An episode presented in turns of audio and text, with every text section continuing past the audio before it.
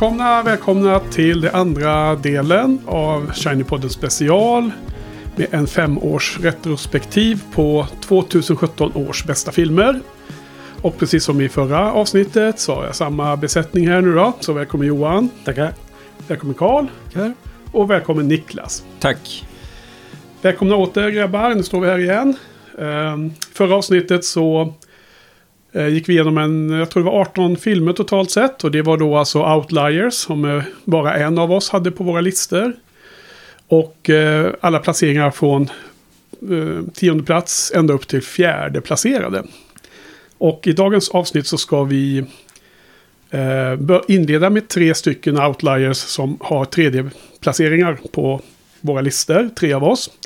Och sen resten av filmerna idag kommer alla vara consensus picks, det vill säga minst på två listor. Och på tre listor och eventuellt på fyra listor om vi nu uppnår den här eh, situationen där vi har någon film som har kommit på alla fyras listor, så som vi hade för 2021.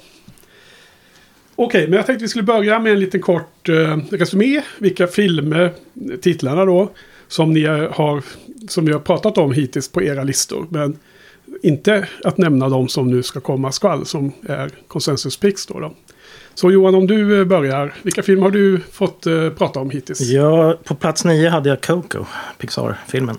Uh, och sen plats sju hade jag Columbus. Kogonatas, Kogonadas film. Och sen hade jag The Disaster Artist på plats fyra. Är det alla filmer du har fått mm. prata om? Det är en ah, hel del kvar. Du har mycket kvar mm. i dagens avsnitt. Okej, så kommer vi till Karl. Jag tror att du har pratat om en hel del av dina filmer redan, va? Ja, precis. Sex stycken. Ehm, tionde plats, A Taxi Driver. Nya, Oh Lucy. Nummer sju, Radiance. Nummer sex, On the Beach at Night Alone.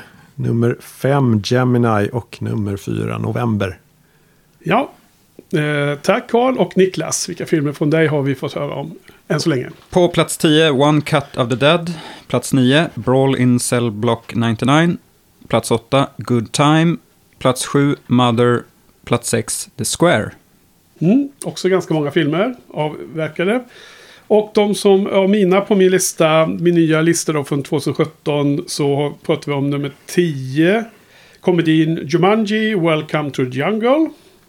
Min nia var då eh, Boats-filmen om Molly Bloom, Mollys Game.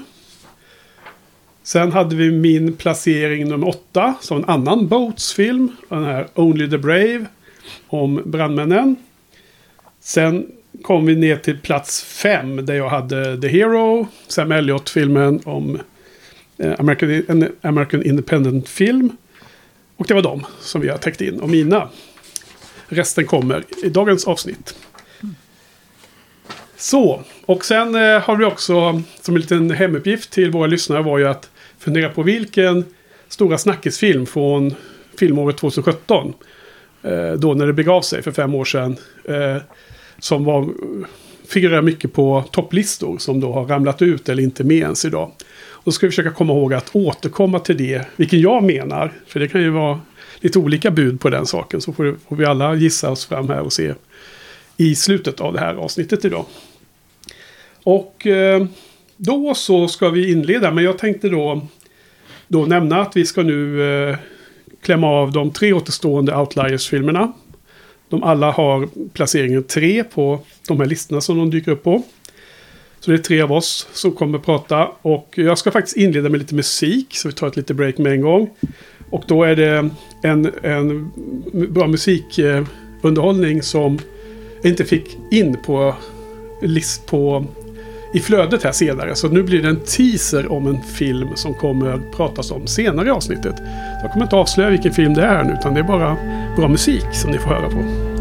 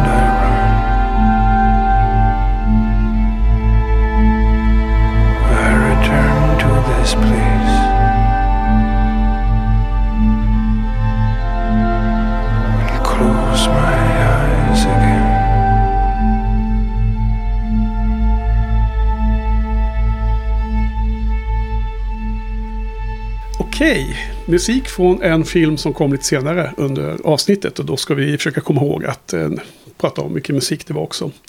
Men nu ska vi komma in på eh, dagens filmer. Och Johan, det är du som börjar med din eh, Outlier-pick som är nummer tre hos dig.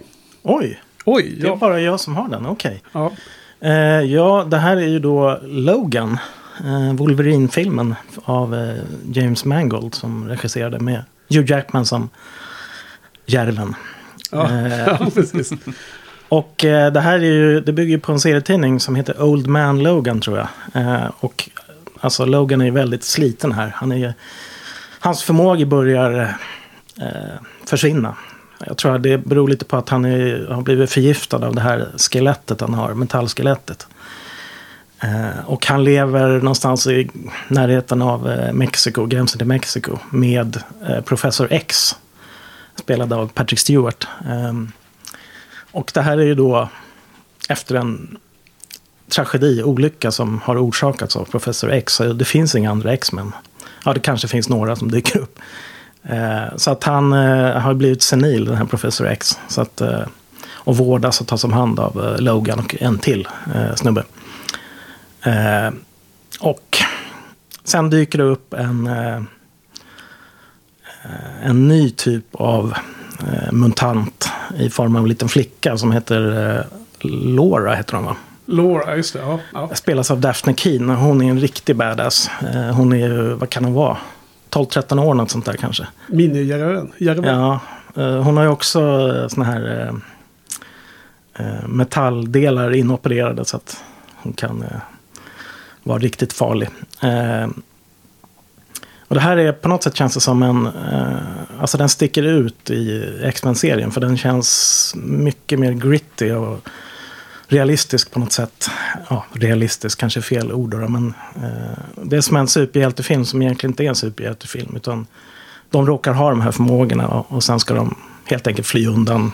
Den är barnförbjuden till att börja med, va? Ja, den är ju rejält rå. Eh, den inleds ju med en helt galen scen där alltså, Logan går ju bärsärk på några snubbar som förstör hans eh, limousin. Han är limousinförare. Eh, ja, sen utvecklades till, till en, en road movie med ja, Professor X och Logan och Laura när de är på väg till eh, Kanada faktiskt. Eh, och eh, ja, den där, det var en riktigt eh, bra bioupplevelse. Den där såg jag om faktiskt då också. Inför när vi skulle göra 2017-listan. Då, Eh, då förra 2020, året? 2020. Ja, Okej. När det inte blev av då. Ja, ja. Eh, ja, den höll tyckte jag, måttet. Mm. Eh, lite förvånad ändå att någon mer skulle ha den på listan. Men eh, Ja, Vi, vi såg den på bio ihop du och jag. Mm. Och det kanske var några fler också. ja, Joel tror jag var med också. Joel, var, var inte Christian med? Nej, det var inte då Jag kanske. tror inte det. Men, Nej. ja. Nej, men jag tyckte den var svinbra då. Men det var en av de här filmerna som när jag nu började titta lite på bara kände att jag var helt klar med den här filmen. Verkligen. Okej. Mm. Alltså jag såg en liten bit och den är ju som bäst i första tredjedelen. Men sen tycker jag att nu kändes det som att jag var inte sugen på att se hela den där roadtrip-delen. Men det är som en eh, barnförbjuden roadtrip slash modern western Ja. i noir. Ja. eh, känsla också lite. Utan femme fatale. Men eh, all cred till den här filmen. Men jag bara kände att jag var inte så här sugen på den längre. Kanske lite kopplat till att jag har liksom tröttnat. mm, mm, Inte bara på eh, liksom eh, Superhjältefilmer eh. X-Men-filmerna som jag aldrig varit jättestor fan i. Men, men generellt med Marvel-filmerna, MCU då specifikt. Inte så, eh, alltså jätte trist med den här fas 4. Jag bara tycker att det har verkligen gjort en nosedive i kvalitet. Så att jag, har liksom inte, jag är inte riktigt inne i den världen i huvudet längre. Så att då, då kom den inte med på min lista helt enkelt Johan. Sorry, sorry. Ja, men det, jag har med den i alla fall. Ja, ja, det det, var den på det är jag nöjd med. Ja. Men ni då grabbar, har ni sett Logan? Mm. Ja, nej men jag kände väl ungefär som du att jag har inga planer på att återbesöka den här. Även fast jag tyckte att den var bra då och uppskattade att den försökte göra någonting annorlunda. Men jag är väl ganska mätt på superhjältar. Det, det har jag varit länge nu. Så Ja. det, Ja, jag kom lite senare in i den klubben men jag känner också det. Det, det enda jag känner mig sugen på fortfarande det är ju Deadpool-filmerna. Och det, det är också... där han ska tillbaks nu. Han ska ju för övrigt vara med där. Ja, de ska ju... inte det lite konst- ja, det, konstigt? Det här var ju hans sista Logan-framträdande. det är aldrig Wolverine. sista. Men Men det är fortfarande roligt med, med eh, Reynolds, med Ryan Reynolds. Så jag, jag tycker han är, han är, han är kul. Ah, Följa. Ja, Vi får se hur det blir. Karl, du då? Har du sett den? Eh, absolut. Den var väl helt okej också då. Men eh, inte heller det minsta sugen på att se den igen. Däremot väldigt sugen på att se Shane. Den förekommer väl ja, där. just det. Western. Den gamla? Ja, Paul Newman? jaha. Men jag har Ja, inte, jag har inte sett sagt. den rackaren. Nej, inte heller. Men äh, refereras den till i, i Logan? Eller De tittar på den. Ah, ja, men jag vill också se Shane. Så har vi, Det ska väl finnas paralleller då. ja, Antar. oklart faktiskt. Men eh, eh, kanske ska se den ihop någon gång. Det, det vore kul. Ja, men då har vi pratat klart om Logan då. Den är lite falnande eh, Jag ska bara säga, hon, hon som spelar Laura heter Daphne Keen. Ja, du nämnde inte det? Kanske sa det. Ja, jag tror det. Ja, om jag inte gjorde det. Eller så är Jag bara en senil. Har, hon, har, har du sett henne i något annat sedan dess eller? Hon är med i den här serien som heter Dark Materials. Tror jag Ja. den heter. En sån här Ja. fantasy. Inte sett. Nej. Ja, det är någon bokserie de har Ja, det är någon så här young adult variant som jag råkade se av någon anledning. Ja. Inte, inte så bra. Ja, hon är ju superhäftig i Logan. Hon är karaktären häftig mer än skådespelaren kanske i, i någon mening. Ja, jag vet inte, hon passar verkligen. Hon säger inte så mycket. Eh, fram, fram till ett visst ögonblick. Alltså, jag tycker sista akten i Logan eh, håller inte riktigt längre för mig. Mm. Eh, Den är lite... Lite smörigt. Ja. Nästan. Ja. Är det där problemet med barnskådespelare? Okej. Ska vi lämna det? ja. Ja. Vi går vidare till... eh, Vi hoppar din eh, trea, Karl. Den finns på någon annans lista, minst en till. Och då kommer vi till Niklas, din trea. Bara en som har... Här vi Pretto-Niklas i in action här nu. Gillar ni inte Jorgos? Lantimos. Ja. Han eh, kom ju ut med The Killing of a Sacred Deer. Mm. Ehm, som är väl hans största styrkebesked hittills, eh, får man säga. Eh, Ja, det kanske det knorras lite runt bordet här, men vi, får väl se. Ja, men det är Colin Farrell och Nicole Kidman som eh, spelar det här paret då, där han är kirurg eh, och en eh, patient till honom, en, sonen till patienten spelas av Barry Keegan, och, mm, som är med i Dunkirk bland Mm. annat. Han börjar liksom nästla sig in i den här fina familjen. Och han är ju väldigt obehaglig. eh, Oerhört obehaglig. Som en parasit. Som, lite som en parasit. Eh, och man vet inte riktigt vad hans eh, uppsåt är. Liksom, så här, vad, vad, vad är hans endgame? Det kan man gissa under filmens gång.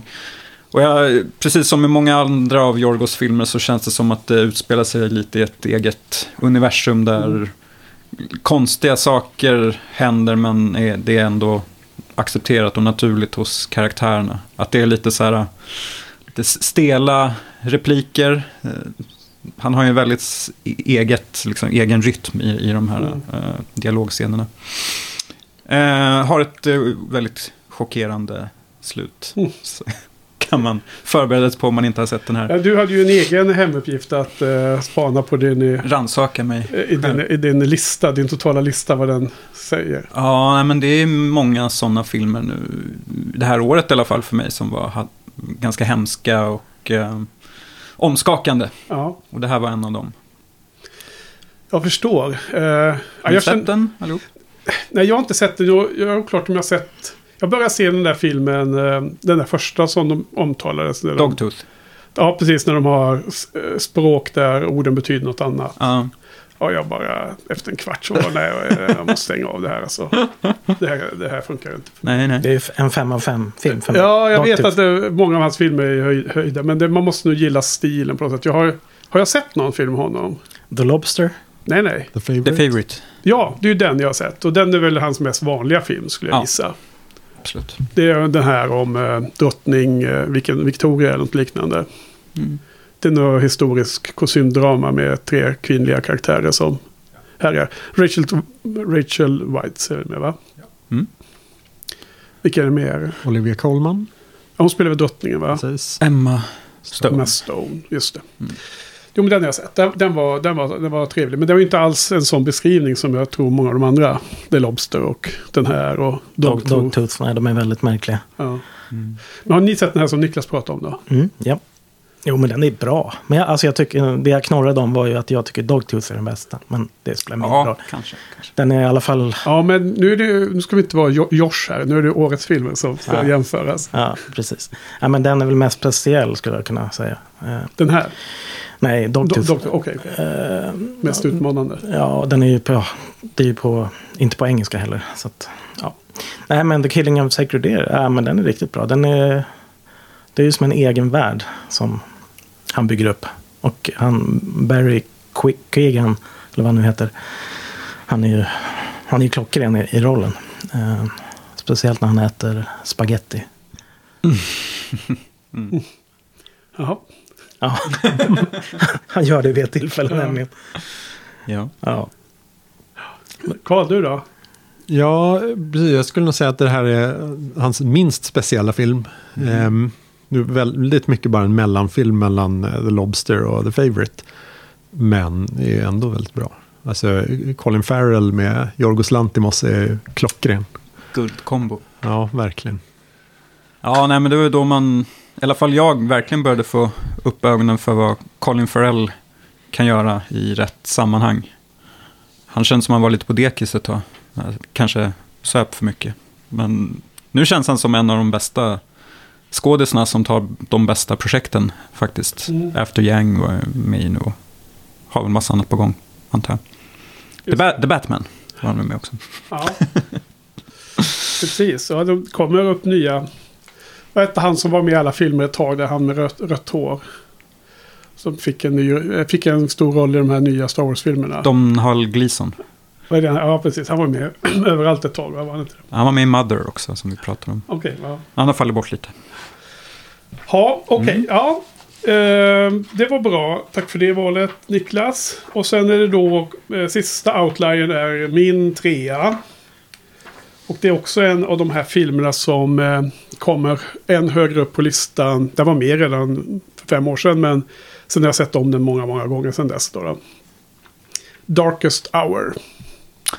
Mm. Eh, Churchill. Ja, historiskt drama om Churchill under dagarna runt Dunkirk för övrigt. Och eh, eh, Gary Oldman spelar ju Churchill och vann ju Oscars för bästa manliga huvud, eh, huvudroll. Och jag tycker absolut att han var värd det för att han är ju otroligt bra i den här filmen. Den är gjord av Joe Wright som har gjort massor med filmer. Eh, En väldigt känd film som han har gjort är Atonement som jag inte har sett men som jag tror många känner till. Däremot den där Hanna eh, som var en ganska cool film. Den har jag sett. Om någon eh, kvinnlig våldsverkare av något slag. Kommer inte riktigt ihåg vad setupen var men En yngre variant också. Mm. Eh, Men det här var i alla fall eh, biografiskt då så det är den här konflikten inom brittiska toppskiktet av, inom politiken. Churchill är nytillsatt premiärminister mest för att det inte finns någon annan att välja. Och den, den enda som kunde accepteras brett, lustigt nog. Eh, och sen har han då folk inom sitt eget parti som vill, och vi, vi pratar om kända personer, alltså det är eh, Neville Chamberlain och Viscount Halifax framförallt som eh, vill eh, att Storbritannien ska gå in i fred med Hitler då. då. Och det här är under en fas av kriget när Hitler redan har tagit Norge, Danmark, Polen eh, och liksom Benelux-länderna och en stor del av Frankrike liksom. Ehm, alltså det är väldigt dramatiskt tycker jag. Och det är en sån här dialogdriven drama som jag bara blir helt indragen i. Och det är typiskt en sån film som man alltid fastnar i när, man, när den går på tv. Och det är ju massor med eh, väldigt bra skådespelar. Ehm, Insatser och sen är det den här dialogen och alla de här citaten så från, från Churchill som jag tycker är superhärligt att se på film. Jag tycker att det är bra samspel med hans fru och det är bra samspel med den kungen då. Eh, nu har jag inte skrivit upp skådespelarna men det får man kolla upp själv. Men det är kung George den sjätte som tydligen var eh, kung då under det här kriget, andra världskriget. Och sen tycker jag framförallt faktiskt hans samspel med den här sekreteraren då som heter Elizabeth Leydon. Eh, nu, nu utgår jag från att alla har sett den här filmen, det kanske inte har eller? Jo, jag har sett. Nej. Nej, du har inte sett den? Nej. Du gillar inte genren kanske? Nej. Nej. Men eh, jag tycker det var väldigt, väldigt bra. Eh, så vad säger du då Johan, du som har sett den? Eh, jag kände väl att den var lite så här generisk på något sätt. Uh, typisk Boats. Uh, Gary Oldman är bra. Men jag vet inte, jag varit inte så indragen som du blev. Så att jag fick inte gåshud av de här citaten och sådär. Nej, jag vet. Och jag, första gången jag såg den så var jag ganska... Jag tyckte det var bra men inte superbra. Men sen när jag se- sett om den så har den vuxit varje gång. Liksom. Så nu är det ungefär 5 av 5 för mig. Så att det har blivit en... Det här är en tydlig förbättring av att det är fem år senare. Jag verkligen har vaskat fram vilka av filmerna från det här året som jag är mina go-to guys. Och du då Niklas, vad tycker du om den här filmen? Den är bra. Ehm, jag försöker minnas Gary Oldmans uh, Fatsuit. Fatsuit. Jag har ju sett, eh, efter det här så har jag sett The Crown-serien. Och där spelas han ju av John Lithgow. Mm. Okej. Som för mig är mer, jag förknippar honom mer med eh, Churchill på något Ah. sätt. För att jag har sett mer där. Jag förstår, det är precis som alla de här eh, filmerna om eh, Hercule Poirot. Att man, man får sin favorit. Man får sin. Vem, Precis. vem är det som får, får plats i huvudet när man tänker på karaktären? och? Ja, ja men då, då går jag direkt till Ja. Lithgow. Ja, jag har och- inte sett The Crown. Så. Ja, det- Nej, men jag har blivit mer och mer intresserad av den här eran på sistone. Så den här filmen var mm, bra. Ja. Bra inkörsport också tror jag till liknande historiska krigsfilmer. Som inte är så mycket krig i. Det är ju liksom mer snacket bakom kulisserna. Ja. Inte så mycket action. Precis, det... det ja, men jag, jag tycker ju att...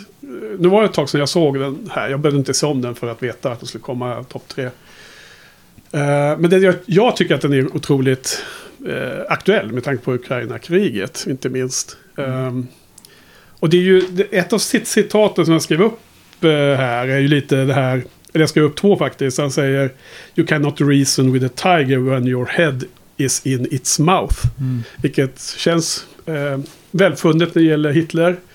Eh, det var väl bara liksom naivitet och önsketänkande att det skulle sluta. Storbritannien skulle sluta vara, vara med i kriget bara om de skulle ha skrivit på något avtal med Hitler. Man vet ju att det, Hitler bland annat liksom hade avtal med ryssarna först och sen var det ju tvärtom efter ett tag. Det andra citatet jag skrev upp är det här att Nations which go down fighting rise again. And those that surrender tamely are finished. Och det är igen lite det här med Ukraina liksom. Ska man verkligen kriga eh, eller inte? Men om man eh, lyssnar på Ukraina eh, så inser ju de att ska de finnas kvar måste de kriga nu liksom. Det är ju en hård sanning. Och jag tycker att de här ögonblicken i historien är fascinerande. Och den här filmen fångar det hyfsat väl tycker jag. Bra sammanfattat. Lite så. Bra. Eh, blir du sugen Karl? Ja, lite mer än tidigare. Ja, ja, okej. Eh, ja, men det det var ju härligt. Var är mina papper? Ja, men du, då ska vi gå vidare då. Eh, nu har vi pratat om den filmen. Jag trodde ett tag att den skulle vara nummer två, men den blev en trea då. Men det är högt, det är bra. Ska vi se här. Nu har vi, nu har vi ju diskat av alla outliers. Och för nytillkomna lyssnare så betyder det alla filmer som bara finns på en enda lista av oss, av våra fyra. Och nu kommer vi in på alla filmer som är konsensus. Och i vår värld, enligt eh, recept från hur man kör årslistorna på podcasten Filmspotting nu för tiden. Så betyder det alla filmer som har minst två placeringar på list listorna. Minst två listor är med. Eller fler. Och nu ska vi börja med dubbletterna då. För det, det sammanfattar vi ju förra gången vi poddade om. Och då var det ju om 21 år, 2021 års filmer. Att, att det, det första kriteriet är ju hur många listor man är med på. Oavsett placering. För att är man med på topp 10 så är det bra filmer. Det är liksom förväntat. Och nu blir det dubbletterna. Och då kommer de i, i baklängesordning. De som har högst medelplacering då kommer ju lägst. Eh, och nu så ska vi börja med en dubblett och sen ska vi ha musikunderhållning. Men det första ska Johan presentera. Gör, gör dig redo. Och då är det alltså en film som du har som nummer åtta Johan. Och som Niklas har som nummer fem. Och eh, en, en total placeringssiffra 13. Så vilken film är det du ska prata om Johan? Ja, det är Paul Thomas Andersons eh, Phantom Thread. Och det är väl Daniel Day-Lewis sista film. Mm. De brukar säga sådär att det är min sista film och Steven Soderbergh och så vidare. Men sen, ja, vi får väl se. Har, har, har, han, har han brutit mot, mot det? Har han jag- kommit ut ur eh, pensioneringen ännu eller? Nej, jag tror faktiskt han har hållit sitt ord, eller hur? Ja. Det har bara gått fem år. Det hinner kanske hända saker, vi får se. Eh, nej, men Paul Thomas Anderson har ju länge varit min favoritregissör. Eh, nu har han väl blivit omsprungen av eh, Denis Villeneuve, skulle jag säga. Som är favoriten just nu. Men Phantom Thread var, var en positiv överraskning. Det handlar ju om eh, en eh, kläddesigner, en klädskapare. Som eh, har ett väldigt speciellt sätt. Han har någon typ av, jag vet inte om han har kontrollbehov eller något sånt där. Men han eh, blir ihop med en, eh, han möter en servitris på en restaurang som spelas av, vad heter hon, Vicky Creeps. för mig. Mm. Hon är väl holländska eller något sånt där. Ehm, och de blir ihop och har ett eh, speciellt förhållande. Där hon förgiftar honom med jämna mellanrum för att han ska bli sjuk. Och eh, sen har hon, Eh, han har även hjälp av sin syster som spelas av, Eh, vad är det hon heter nu? Manville, Le- Leslie Manville, ja, som också är väldigt bra. Ehm, men eh, och de alla vistas i, i det här stora huset där han bor. Och det är en väldigt speciell stämning. Ehm, Eh, och eh, jag tyckte dessutom den var väldigt rolig. Konstigt nog.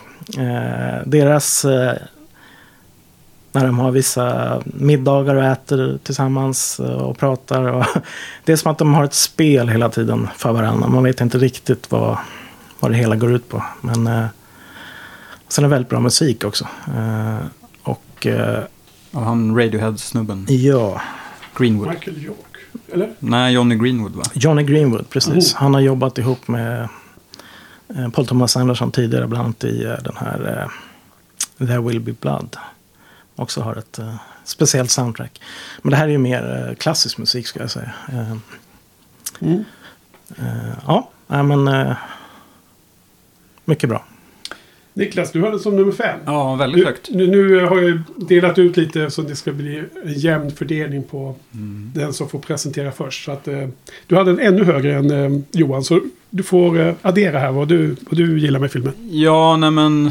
ehm, att det är ett kostymdrama som är en genre som jag inte brukar uppskatta så mycket gör ju det lite extra häftigt för mig att jag tyckte den var så pass bra. Och mycket beror ju på... Ja, men Daniel Day-Lewis är ju ett kraftpaket i, i huvudrollen. Eh, men sen är det väl just den här, eh, om man säger vändningen då. Jag minns inte om det är typ halvvägs in. Du nämnde det ju i premissen där med den här eh, förgiftandet kommer ju från ingenstans känns det som. Och eh, ändrar karaktären på filmen väldigt mycket. Inte utan att det börjar kännas som en... Alltså det känns ju fortfarande som en enhetlig historia. Mm. Men jag såg det verkligen inte komma och uppskattar att eh, en sån liten sak eller sjuk grej ka- kan vara i en så här mainstream-film. Eller vad man säger. Jag vet inte hur jag ska Mm. beskriva det men det är så otroligt udda. Ja. tycker jag. Ja. Ehm, och det är en väldigt vacker film och uh, oerhört mörk. Mm. Vilket är ju min röda Ja. tråd Ja, idag jag förstår. och förra Ja. veckan också. Du då Karl, du har sett den här gissar jag. Absolut, den var jättebra. Eh, är väl lite ja, på bubbelgärdsgården kanske. Eh, men är, ja, lite mer sådär att man respekterar kvaliteten mer än att den faktiskt sitter fast och berör det något. Så. Men Paul Thomas Anderson är alltid, alltid bra på sitt sätt. Mm. Ja, nej, jag, jag, jag såg inte ens den här filmen. Jag, jag har ju ganska svårt för Paul Thomas Anderson. Eh, eh, jag eh, ifrågasätter inte alls hans kompetens, men jag tycker, gillar inte känslan i filmerna. Och det är lite lustigt att du sa att den, du, hur du nu uttryckte att den till och med var lite ro- rolig, att den till och med var eh, humoristisk. Var, Ja, jag, jag känner ja, så. men att du la, la till att, den, att det är ko- konstigt nog, eller Ja, faktiskt, eller ja, sånt jo. där. Och det är väl inte Paul Thomas Andersons... Eh, Signum. nej, precis. Det är det ju inte. Nej, men så att jag vet inte. Det är här kliniskt eh, filmskapande som kan vara bra i alla tekniska eh, aspekter som man kan teoretiskt analysera fram. Det hjälper inte för mig per definition. Liksom. Sen om det är så ändå. På tal om Denis de Villeneuve till exempel. Så är det något helt annat som jag, som jag saknar hos honom där. Som inte tilltalar mig. Det är väl den här Inherent Vice eh, som kom före Phantom Thread. Som, det är väl en komedi. Mm. jag kalla det. Och även Punch Drunk Love. Också väl, eller? Helt klart komiska inslag. Absolut, den har jag sett och det är komiska inslag. Men det är väl eh, Magnolia och den Punch Drunk Love är de jag har gillat av hans filmer. Och inte, jag har sett fler. Man, man, man blir liksom eh, i någon mening impad av film, eh, det är så filmfilmer, filmskaperiet. Men ska man också söka sig in. Det är, det är hjärnan som blir eh, Mm. attraherad mer än hjärtat och eh, magen. Man ska ha liksom en gut punch för att verkligen Ja, så, så är för mig. Det är lite utveckling, men det var kanske nämnts tidigare här i podden. Det, det, Ja. Ja. Jo, men det är lite så här filmanalys. Ja, men- Filmer. ja, men vi har väldigt olika åsikter. Men det är ju roligt att kunna mötas i diskussion om den då. Nej, så jag, men jag valde att inte se den. Gick den här också på filmfestival? Nej, det var på Stockholm filmdagar jag såg Ja, den. okej, det var där ja. Mm. En annan typ av festival där man väljer filmer och så. Man kan välja vilken man vill se. På de timeslotterna. Okej, men det var den första dubbletten i alla fall. Så att eh, den höjs över mängden. Men vi har fler. Och nu ska vi få nästa musikunderhållning. Forgive me, here I cannot stay. He cut out my tongue, there is nothing to save. Love me, oh Lord, He threw me away. He laughed at my sins, in His arms I must stay. He wrote, I'm broke please send for me. But I'm broken too and spoken for. Do not tempt me. Her skin is white, and I'm light as the sun. So holy light shines on the things you have done. So I asked him how he became this man. How did he learn to hold fruit in his hands? And where is the lamb that gave you your name? He had to leave, though I begged him to stay. Left me alone when I needed the light. Fell to my knees and I wept for my life. If he had have stayed, you might understand. If he had have stayed, you never would have taken my hand. Åh, vilken fantastisk eh, låt. En singer-songwriter. Li- lite speciell eh, sångröst, eller hur Johan? Ja, den kan vara lite... Om man stör sig på den så kan den vara lite jobbig. Ja, nu är det alltså en film här som Karl ska få presentera först. Och det är din åttonde placerade Karl. Och det är samtidigt min fyra. Men jag tyckte det var bättre att du fick eh, presentera. Och det är den ungerska filmen som på svenska heter Om kropp och själ. Och på ungerska heter den, nu ska jag ge mig ett försök här då. Teströl S. Lelekkröl. Något sånt. Tjusigt. Eh, om kropp och själ. Precis, av Ildiko Enjedi. Eh, den här vann ju Guldbjörnen i Berlin. Eh, och är då en film om två stycken eh, små introverta personer som jobbar på ett slakteri. Och eh, ehm, möter varandra genom att de råkar eh, vistas i samma dröm. Eh, vilket de får reda på efter ett tag. Eh, och sen blir det någon sorts eh, eh, romantiskt drama dem emellan. Eh, där det väldigt mycket bara handlar om eh, eh, de små hinder i vardagen för de här introverta personerna att eh, ta sig över för att knyta kontakt med, med folk. Väldigt, väldigt fin film. Mm. Ja, Ska jag, ta ska jag addera lite? Ta över. Ehm, det här, jag tror att det var... Var det filmfestivalen? Nej, Nej? Malmö filmdagar. Malmö film, Bra, Johan, du har koll. Ja. Ja, men jag, jag tyckte den var helt otroligt bra den här. Och nu kom den upp på fjärde. Det här var en av de ehm, som missade topp 10 förra gången. Bara i all tombolan som blir. Ehm, men nu såg jag om den och den här var en, en film som jag såg hela filmen då. Det gick inte att sluta. Ehm, på engelska heter den On Body and Soul. Och, på svenska är det ju samma då, om kropp och själ. Om man ska söka efter den eh, för att se den. Så jag, jag tycker att det var en otroligt poetisk film. Och den är inom en genre som jag oftast älskar med sån här magisk realism.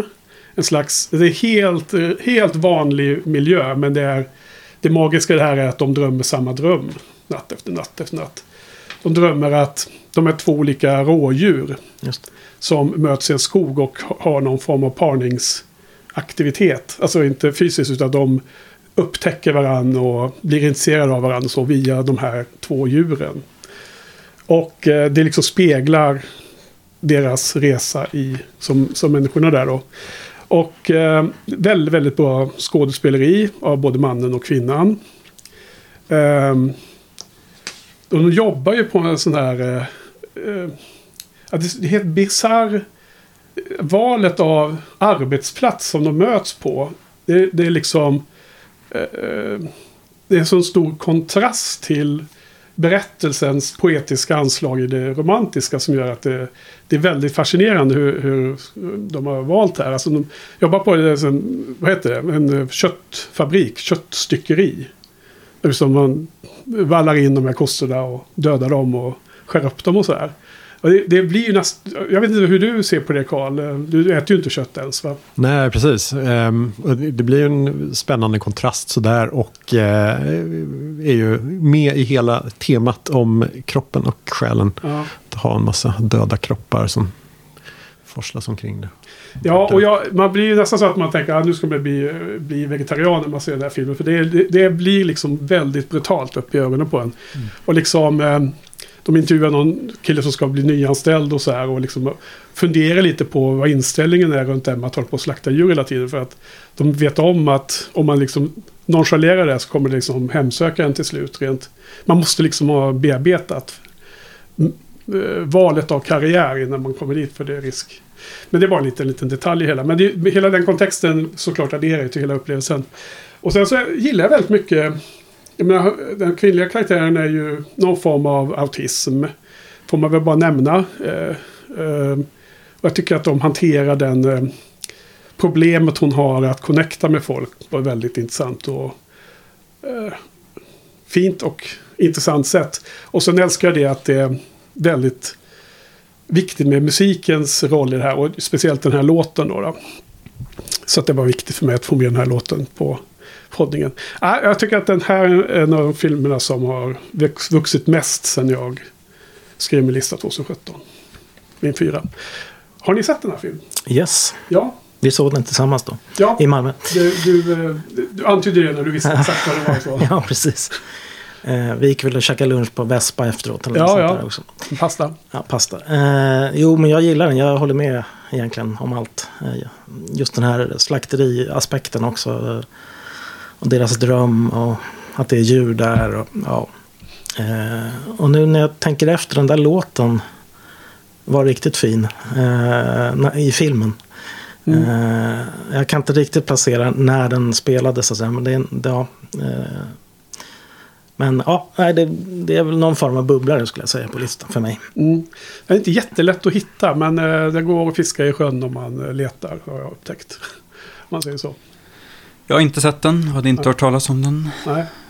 Men den låter ju som något som skulle kunna påverka en ganska djupt. Alltså, den, den är inte filmad som en poetisk eller romantisk film. Den är liksom filmad nästan som om det vore ett eh, inslag på Rapport.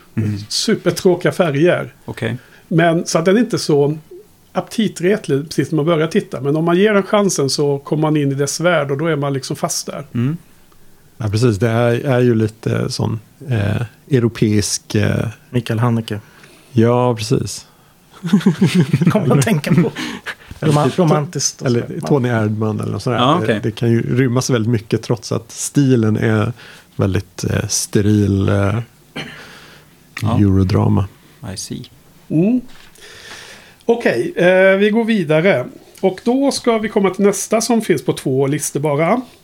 Och då får jag dra tillbaka här ungefär en halvtimme sen. När jag teasade med lite musik i början innan vi började prata om filmerna. Nu kommer den filmen som vi ska prata om. Och det är jag som ska presentera min andra placerade. Oj, nu börjar vi. Och komma. Johans tia.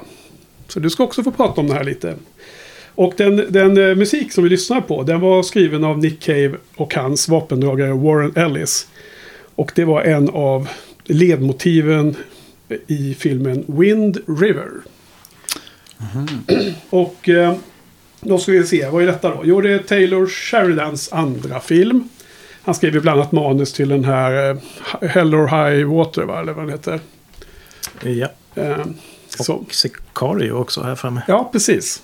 Eh, vass eh, manusförfattare. Sen har han gjort någon ganska sunkig film efter det här. Men den här var i alla fall väldigt, väldigt bra. Det är alltså en... Den är helt ny på min lista. Jag såg den först efter 2017. Eh, men långt innan det här blir aktuellt att podda nu då. Så det är en, det är en thriller om en mordutredning.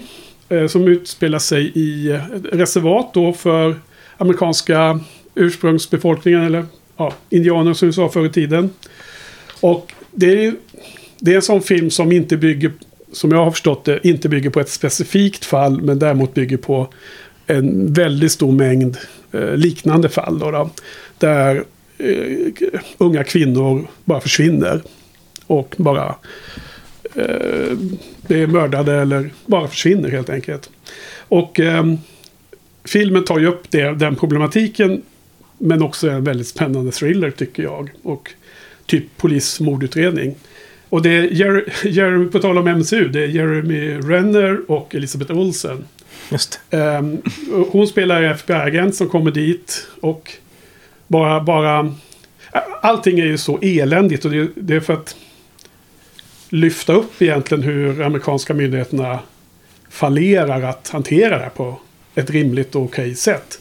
Så i filmen så är det så tydligt att de har så skickat en rookie som FBI-agent bara för att det är helt oviktigt fall. Och han spelar å andra sidan en, en man som bor där och som jobbar som så här viltvårdare typ. Men är också väldigt duktig på att, eh, vad heter det, track, tracker, spåra. spårare. Så att han hjälper till med utredning om man säger så. Och det här är eh, otroligt eh, sorglig film. Så jag, när jag såg den så var jag eh, påverkad av filmen i många, många dagar efteråt. Och det, det är liksom... Det, det är inte en sån här film som man direkt vill se om typ Jumanji om man säger så.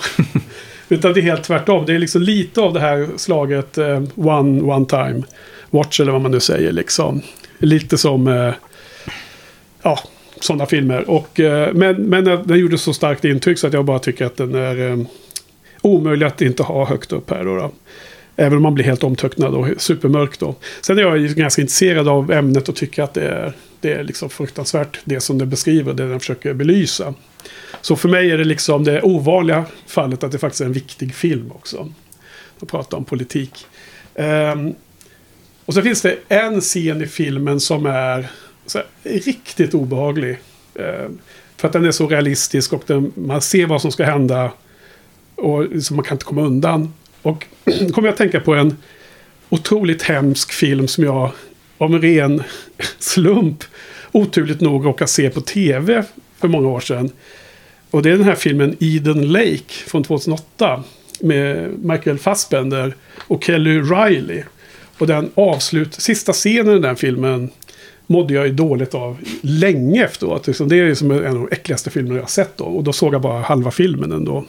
Och här tycker jag att det är en scen här som är i samma kategori i mitten av filmen. Så, det var långt snack, men det var min nummer tvåa faktiskt. Men du Johan, du hade med den som också på din topp 10, även om den var 10.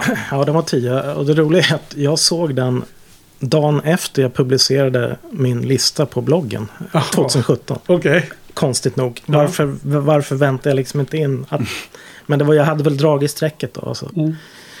Ja, nej, men den är riktigt bra. Det konstiga är att i mina anteckningar så skrev jag att den var mysig. Men Okej. missförstå mig rätt, alltså det handlade mer om att det känns som en filmfilm.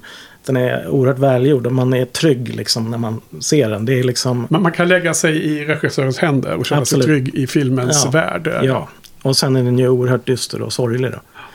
Eh, och så gillar jag också samspelet mellan Jeremy Renner och Elisabeth Olsen. Ja. De, blir, de blir ett sorts radarpar och har liksom respekt för varandra. Eh, hon är ju, från början är hon lite som fisken i vattnet, eller vad heter det, på torra land snarare.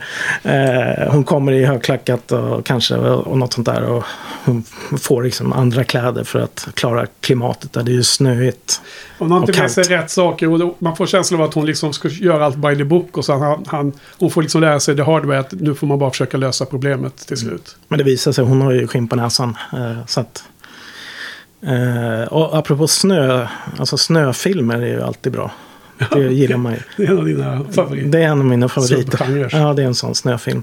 Och den är ju liksom on location. Så det är ju inte någon så här konfetti-snö. Utan det är ju på riktigt liksom. Eh, sen är den ju väldigt våldsam. Alltså det förekommer en eh, helt plötsligt en shootout-scen. Som bara tog mig på sängen. Eh, jag kommer lite att tänka på en annan film. Eh, Lone Star. Eh, för den har sån här tillbakablick, den hoppar i tiden. Liksom, man är på samma plats men så plötsligt är det liksom ett tidshopp tillbaka. Och jag tror det är i samband med den där otäcka scenen du pratar om. Mm. Eh, så jag vet inte, nu får jag nästan känslan att jag borde haft den högre på listan faktiskt. Lätt hänt när man pratar om filmer. Ja, ja nej, så det är Ja, bra val. ja det, det tycker jag. Har ni eh, sett den här filmen? Ja. Niklas? Och du också? Ja. Ja. Niklas först? Ja, nej, men jag gillar också snöfilmer och eh, vildmarksfilmer om man den kan klassas som ett sånt. Ja. Eh, och mordmysterium. Eh, så. Ticks all the boxes. Eh, en bubblare. Mm. Men in, räcker inte hela vägen fram. Jag gillade hans eh, Hell or High Water lite bättre. ja. Det var nog bara manus tror jag. Inte Var det så? Regi. Ja, så har jag för mig att det var. Så kanske det var. Mm. Ja, men eh, ja, den är också jättebra. Mm. Men den här är ju, känns mycket mer allvarlig. Medan den andra är lite mer Quentin Tarantino-aktig. Jeff Bridges skämt. Nej, men lite, lite mer som en... Om man nu ska jämföra med Ja, andra filmer så är det mer Tarantino eller något, något som Bröderna Coen kunde ha gjort. Medan den här tycker jag känns... Mer mer- samhällskri- samhällskritisk. Ja, kanske. mer, mer eh, på riktigt liksom. Jo, jag håller med. Tycker jag. Mm. Vad tycker du Carl? Ja, det här är väl den obligatoriska där jag tycker helt tvärt emot. Ja. Jag tyckte att det här var något av en kalkon. Oj då. Ja, det är tvärt emot. Ja, men hur menar du med kalkon? Var, var det dåligt gjord också menar du? Eller? Nej, det... Jag vet, inte riktigt. Jag tyckte Jeremy Renner passade inte in fem öre. Och att den, hela den rollen var jättekonstigt skriven för eh, den film den, den ville vara. Och sen var det lite det där just med att ha en stor shootout. Passar inte alls in i, i den här sortens film. Det var verkligen att de ville göra en, någon eh, lite eh, större actionrökare än vad det var temat tillät. Men det är en bra shootout. Ja, ja, rent tekniskt, men passar verkligen inte in. Det var lite sådär som när det började pangas i Beck-filmer och sånt där. Att kanske inte passar in i tonen. Mm. Det var ingen som störde mig. Jag var, jag var så investerad i själva huvudstoryn så att... Uh, det var inget jag tänkte på. Ja, ja, ja nej, men eh, då, eh, då har alla sett dem i alla fall. Och vi, vi får tre som eh, rekommenderar den och en som har tummen ner. Ja. Bra, men det var, det var en, en med, med eh, placeringssiffra 8 plus 4. Två. Precis, 8 plus 4 var ju eh, om kropp och själ eh, som var 12. Och nu var det 10 och 2 som också är 12. Men då trumfar ju tvåan ut där. Då, så där, därför kom den ett snäpp högre. Och nu ska vi komma till nästa eh, dubblett. Som de har ännu högre platssiffra då. Och då ska det vara lite musikunderhållning igen. Och här kommer end credits från nästa film. Och det låter så här.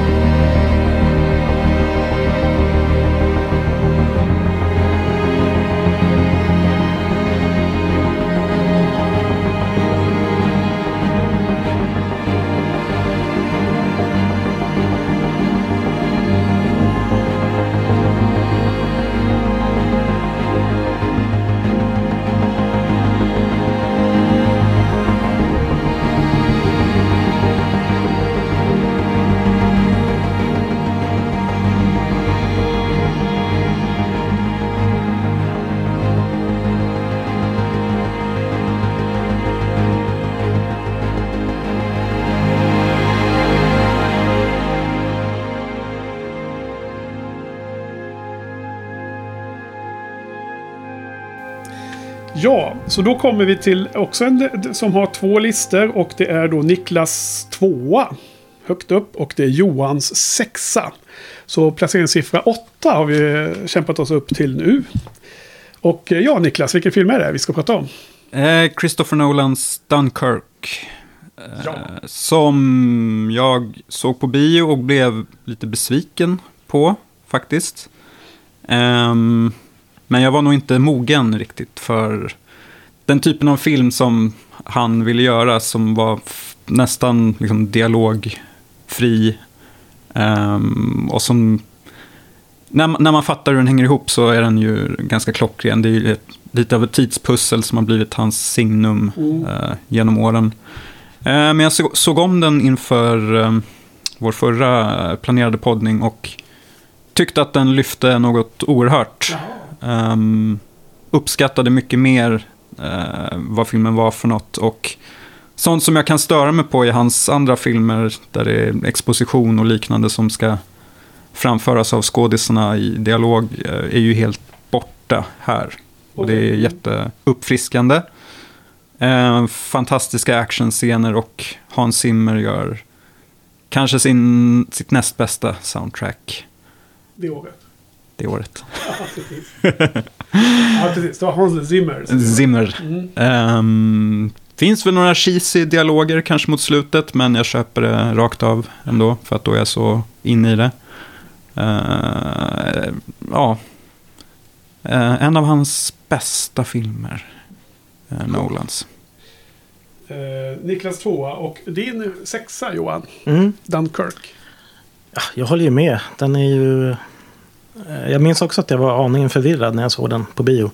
Liksom, vad är det som händer? Ja, vad är det här för del? Vad är det för del? Vad är det för del? Eh, det är ju tre olika delar som utspelar sig under olika lång tid, så att säga. Så att, men, eh, ja, jag minns alltså, jag kände en så här enorm utsatthet. Alltså de här soldaterna som ska ta sig hem då på stranden. Eh, Det var jobbigt. Eh, Eh, musiken bidrog nog en hel del i ljudspåret. Och det blandade sig med liksom, ljud från kulsprutor och granater. Och vart liksom en ljudmatta. Eh, Hoyte van- Hoytema är fotograf. Eh, eh, ja. Räckte till, vad sa vi, sjätte plats. Mm. Mm.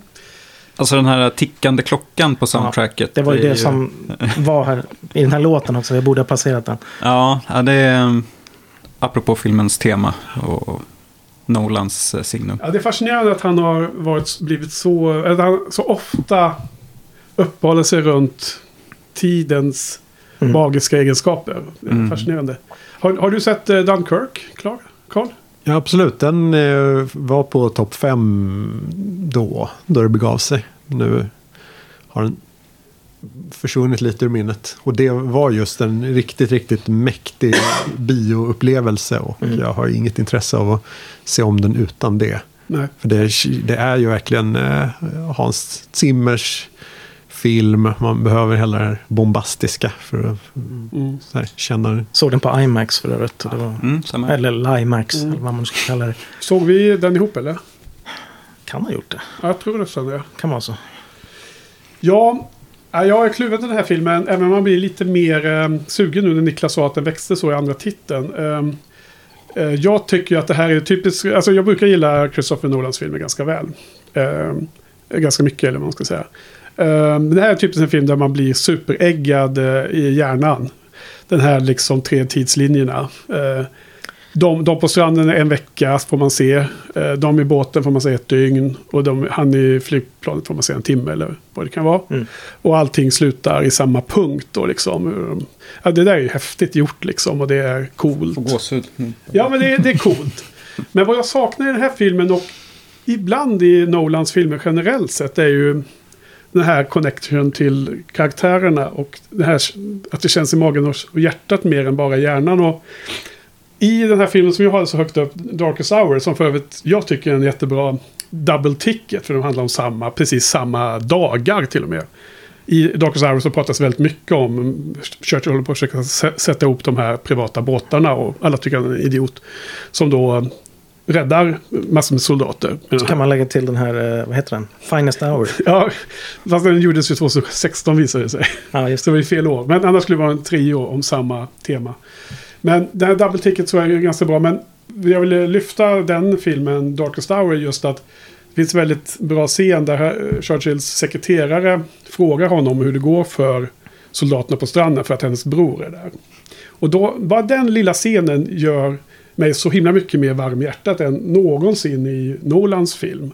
Och därför så är det liksom hög eh, tekniska värden men jag, jag har liksom blivit aldrig berörd mer än liksom teoretiskt berörd att det var en otroligt hemsk situation för många och soldater som drunknar när de sänker skepp och de här grejerna liksom och blir galna och rädda och sånt där. Det är ju, kan man känna med empati till men, men den är ju per definition inte gjord för att du ska liksom lära känna någon speciellt väl.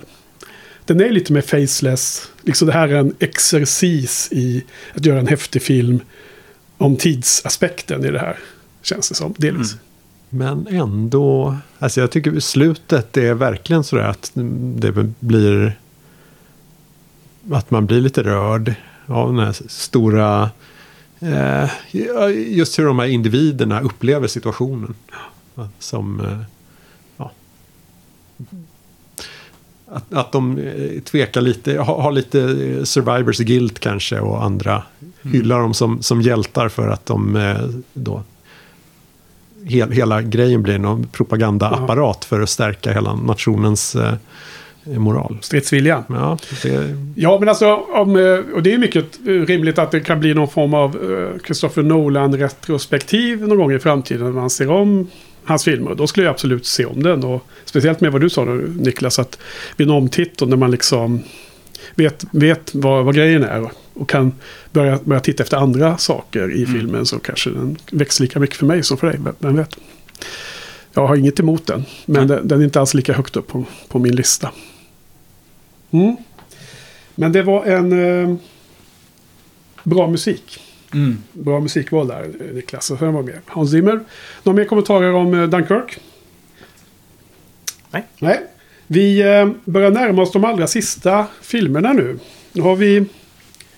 Vill ni veta? Nej, det ska ni inte få reda på hur många som är kvar. Jag går bara vidare. Nu ska vi komma till den eh, sista filmen som endast är med på två listor. Och den har en platssiffra på två. Det är två första, placerar, första placeringar. Mina herrar här över bordet. Och det är Johan som ska få prata först om din etta och tillika Karls etta. Och vilken film är, det, är då detta Johan? Eh, First Reform. Reformed. Det är Paul Schraders eh, film från 2017, konstigt nog. Eh, med eh, Ethan Hawke i huvudrollen som eh, en tvivlande präst. Man kan väl säga att det är en, en sorts remake av Ingmar Bergmans eh, Nattvardsgästerna. Ja, Eh, inte sett. han, han är ju han är totalt deprimerad och, och tappat tron fullkomligt. Men han försöker ju ändå göra sitt jobb. Och eh, han, prat, han träffar ju en, eh, en, eh, en man och kvinna, ett par där eh, hon är gravid. Och mannen vill att hon ska göra abort helt enkelt. För att han vill inte föda ett barn till, till, till den här världen som kommer att förstöras av klimatkrisen och sådär. Så mannen vill skydda barnet från detta. Ja, precis. Och jag menar, vad heter han? Toller heter han, prästen. Han försöker liksom göra sitt bästa, men det, när, när han inte tror på något själv så är det ju svårt. Eh, eh, sen är det en, ibland så är det svårt att förklara vad det är som gör att man, det kan säkert Carl göra mycket bättre eh, när han berättar, men vad det är som gör att man, man blir helt trollbunden. Det, kan, det är liksom någon känsla jag får i den här filmen. Eh, och eh, jag tror till stor del är det faktiskt musiken av eh, en, en snubbe som heter Lustmord. eh, han är britt, men... Eh, eh, och han gör någon typ av dark ambient kan man kalla det. Så att det är ju som en... Väldigt konstiga låtar. Det är som en ljudmatta. Alltså han gör... Eh, ja, min favoritmusik när jag ska programmera på jobbet och ha i lurarna. Det är ju, eh, han har gjort en skiva som heter Dark, Dark Matter. Och det är tre låtar som är 25 minuter långa vardera. Eh, ja, hela det här, det ger ju någon konstig stämning. Eh, sen förekommer det faktiskt en del, konstigt nog också, roliga inslag. Eh, han Toller, han... Eh, jag vet, inte, han, han går, han, jag vet inte om han är medlem i den, men han går till en sån här megakyrka, megachurch. Och pratar med eh, en predikant där som är, spelas av Cedric the Entertainer. Och eh, de har ju totalt olika personligheter, eh, så att säga. Men eh, de har en, en rolig dialogscen. Ehm, eh, ja, så att det är nästan så att det vart fem av fem betyg. Och, men inte riktigt. Mm. Eh, Var, var filmen med på din lista 2017? nej, 2018. Jaha. För den är från 2018 enligt mitt, eh, min regelbok. Mm. Den hade premiär på någon festival på hösten 2017. Eh, Ja, vi kör ju IMDB här själv. Ja, sett för att, jag för följer, att reda jag ut följer det. reglerna. Ja, ja. Så därför var det jättekul att få med den här. Oh, jag, kan, jag, jag, etta kan, jag kan ta med den här. Det var bra. ja, vad bra. Eh, och så, alltså Paul Schrader, eh, det är lustigt. Eh, han har skrivit en bok eh, i början av 70-talet som hette Transcendental Cinema eller något sånt där. Och det här ska tydligen vara ett exempel på, på sånt. Enligt honom. Eh, ja, enligt de som har skrivit om filmen. Mm. Eh, kanske en, enligt honom själv också. Då. Men jag, jag hann inte riktigt läsa på vad det är. Det kanske Carl kan upplysa om. Schysst överlämning. Eh, Carl, du har ju också den som nummer ett. Ja, det har jag. Var den här nummer ett 2017 eller? Nej, jag såg den ganska nyligen. Okej. Eh, och det...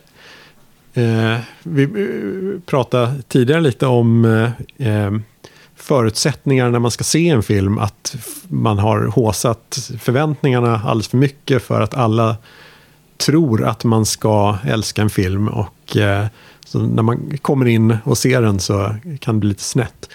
Eh, och det, det blev det lite här också eftersom just, ja, jag hade ju med The Card Counter senast. Mm. Som är en klart svagare film.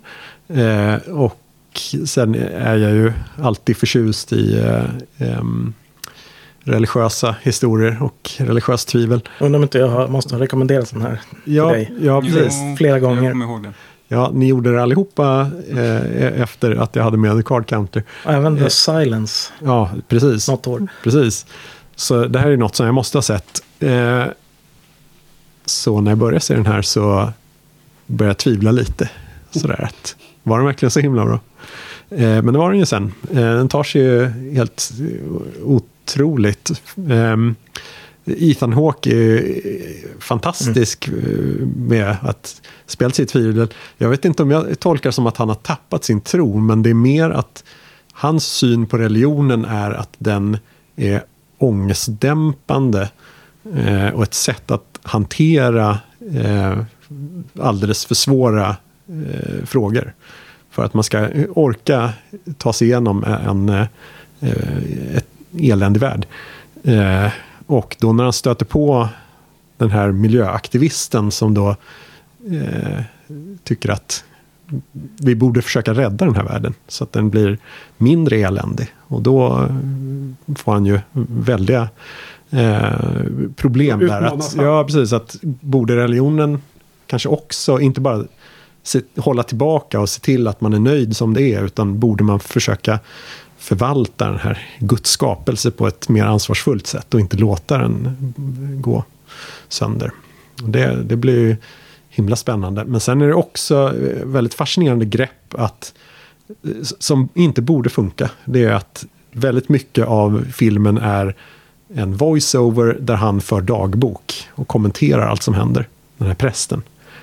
Eh, men den lägger på en väldigt, väldigt speciell dimension för eh, ja, den, jag, jag tror att det är där som, som den någon på något, något sätt gör en väldigt, väldigt speciell film. Att den, den fastnar på något plan. För den där, hans sätt att kommentera allt som händer via den här dagboken är väldigt oförutsägbart.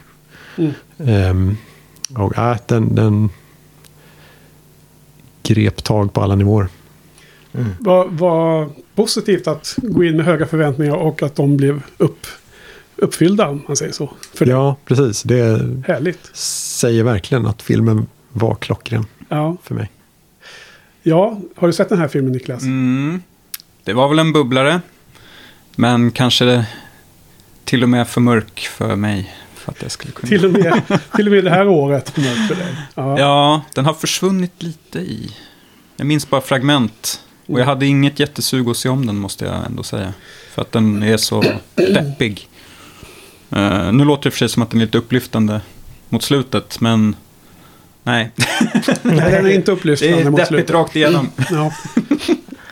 Ja, jag såg den eh, då när det begav sig, eller runt det, den tiden. eh, Lite efter rättare sagt. För jag såg den på dina rekommendationer Johan. Jag gick också in med då ganska höga förväntningar och jag tyckte att den, eh, den kom precis in som bubblare hos mig om man säger då. Topp 20. Helt klart intressant film. Mer.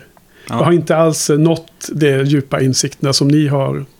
De djupen i eh, soul searching som ni har genomgått med hjälp av filmen. Så att det kanske behövs se om den och så här. Du och jag får se om den Niklas för att det ska komma till the next level. Ja. Mm. Jag, jag tror att det är en film som är sitter väldigt rätt i, i tiden för där den var. Att den kom året efter Trump blev president.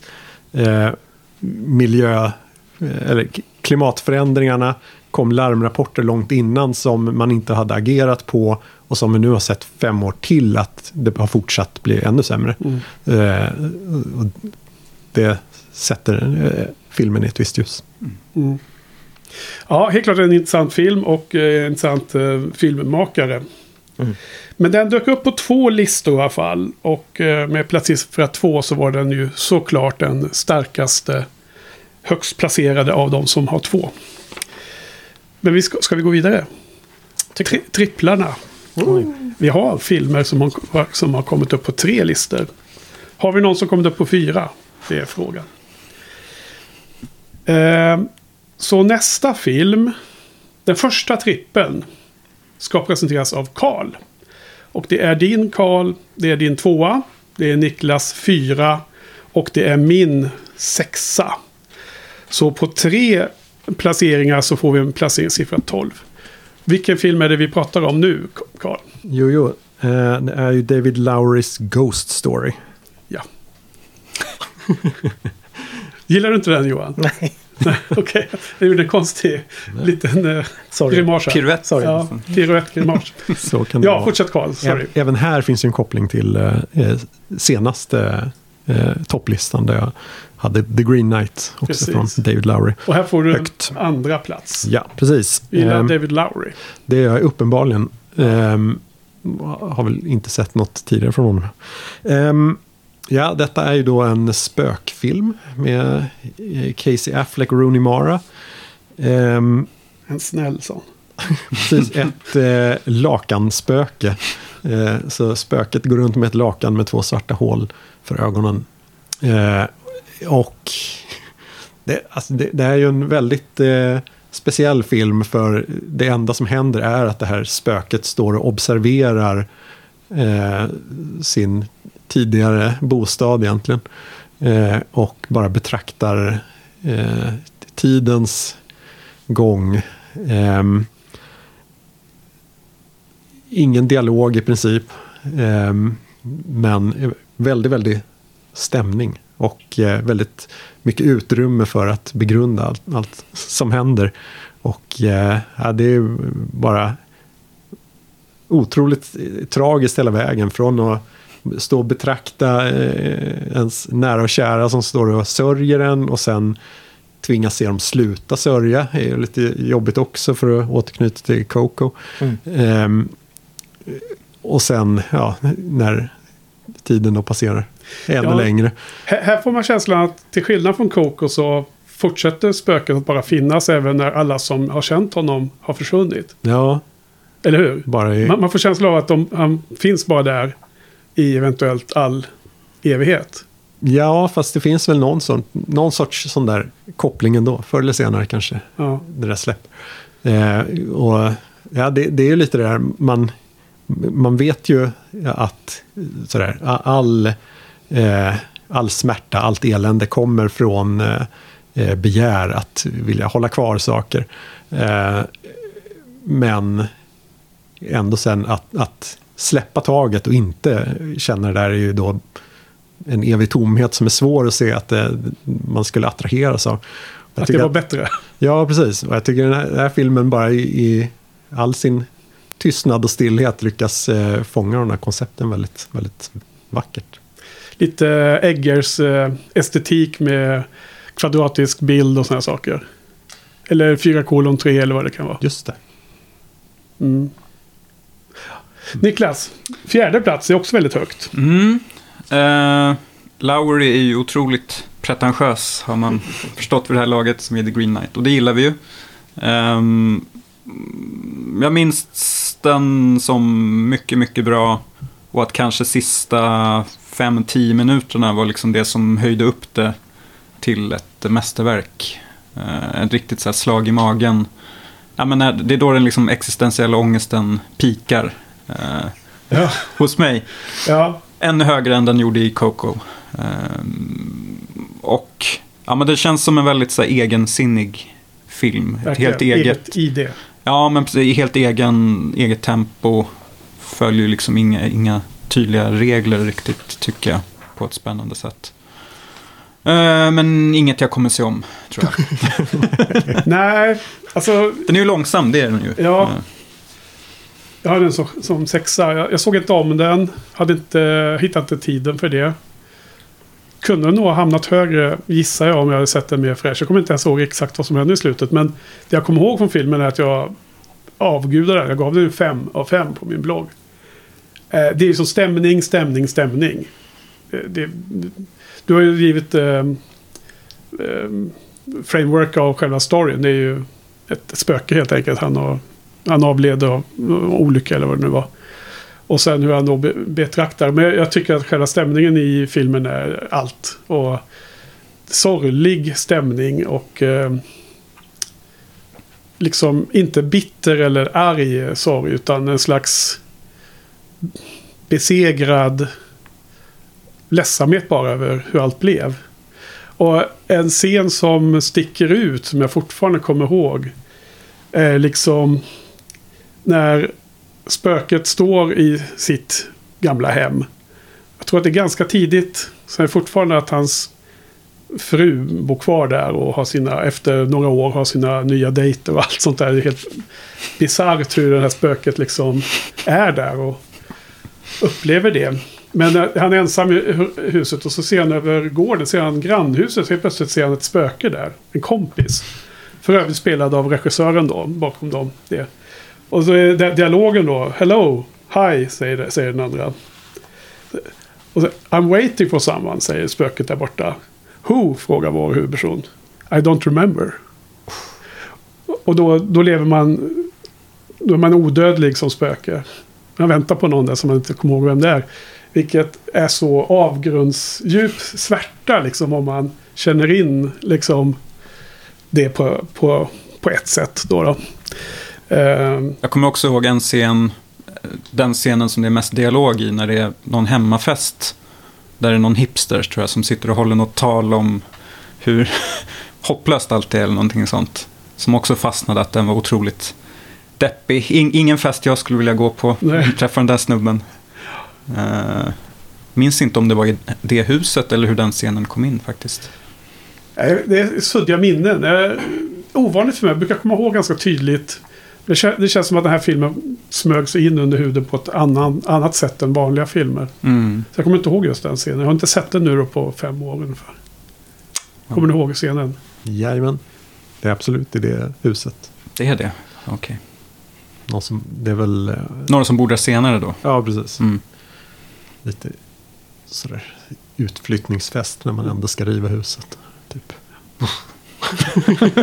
Ja, men det är i alla fall eh, Casey Affleck spelar huvudpersonen, spöket. Och så är det hon, Mo- Rooney Mar- Mara, eller vad heter hon? Mm. Spelar frun, eller ja. Sjätte, och du gillar inte alls Johan. Du får ta rollen som Karl här då. Ja, var alldeles jag nyss. kan ta på mig den. Eh, Eh, Stoffe mot... Eh, Du vet, alltså när jag försökte förklara varför jag gillade First Reform så sa jag att det var svårt. Det är liksom en film som liksom är baserad på stämning, stämning, stämning som ni har sagt. Eh, Då känns det som att antingen blir det ett av fem eller så blir det fem av fem. Jag vet inte. Och för mig så vart det här ett av fem. Jag, ja, jag, jag vet inte, jag höll på att krevera av någon anledning. Eh, jag tror den kanske är för dyster helt enkelt för mig. Ehm, eh, ja, jag vet inte, jag kan inte säga så mycket mer. Men ja, det gick inte alls hem. Det är kon- konstigt. Det är intressant på ett sätt. För att men det här är mycket om längtan eller om någon slags eh, sökande i någon mening, en vidare mening. Och det är ju inte jätteavlägset från First Reform. Nej. Vilken typ av känslor som behandlas om man säger så. Nej. Nej, det är som är Fast konstigt. det är annorlunda filmer såklart. Ja. Jag, ty- jag, jag tyckte nog att det här var, och jag har för mig att du sa det också när vi poddade om 21, 21 att det här är starkare än The Green Knight. Men jag gillar Green Knight också. Så att jag måste säga att regissören är spännande i mina ögon. Har han gjort bara två filmer eller? Han har gjort den här uh, Robert Redford-komedin. Ja, det- The Man Old- with the... Old, Man, with the Gun. Ja, just det. Och Den har jag ju sett. Lite ba- bagatellartad men Ja, charmig. Helt vanlig film. Inte alls i linje med hans andra filmer så jag förstår inte riktigt. Ja, måste... Den var ju helt okej tyckte jag. Ja, Jo, men den är ju helt, helt normal. Ja, ja. Alltså. Den, har, den är inte alls lika Ingen som förargar någon. unik som hans två andra titlar som jag... Har ni inte gjort den här, vad heter den? Ain't them bodies saints? Just det. Jaha, det det kan stämma. Jag har inte sett Det är den. väl Casey Affleck och Rooney Mara det också va? Yes. Aha, så han har, sin, Han har samma, sitt stall. samma gäng där.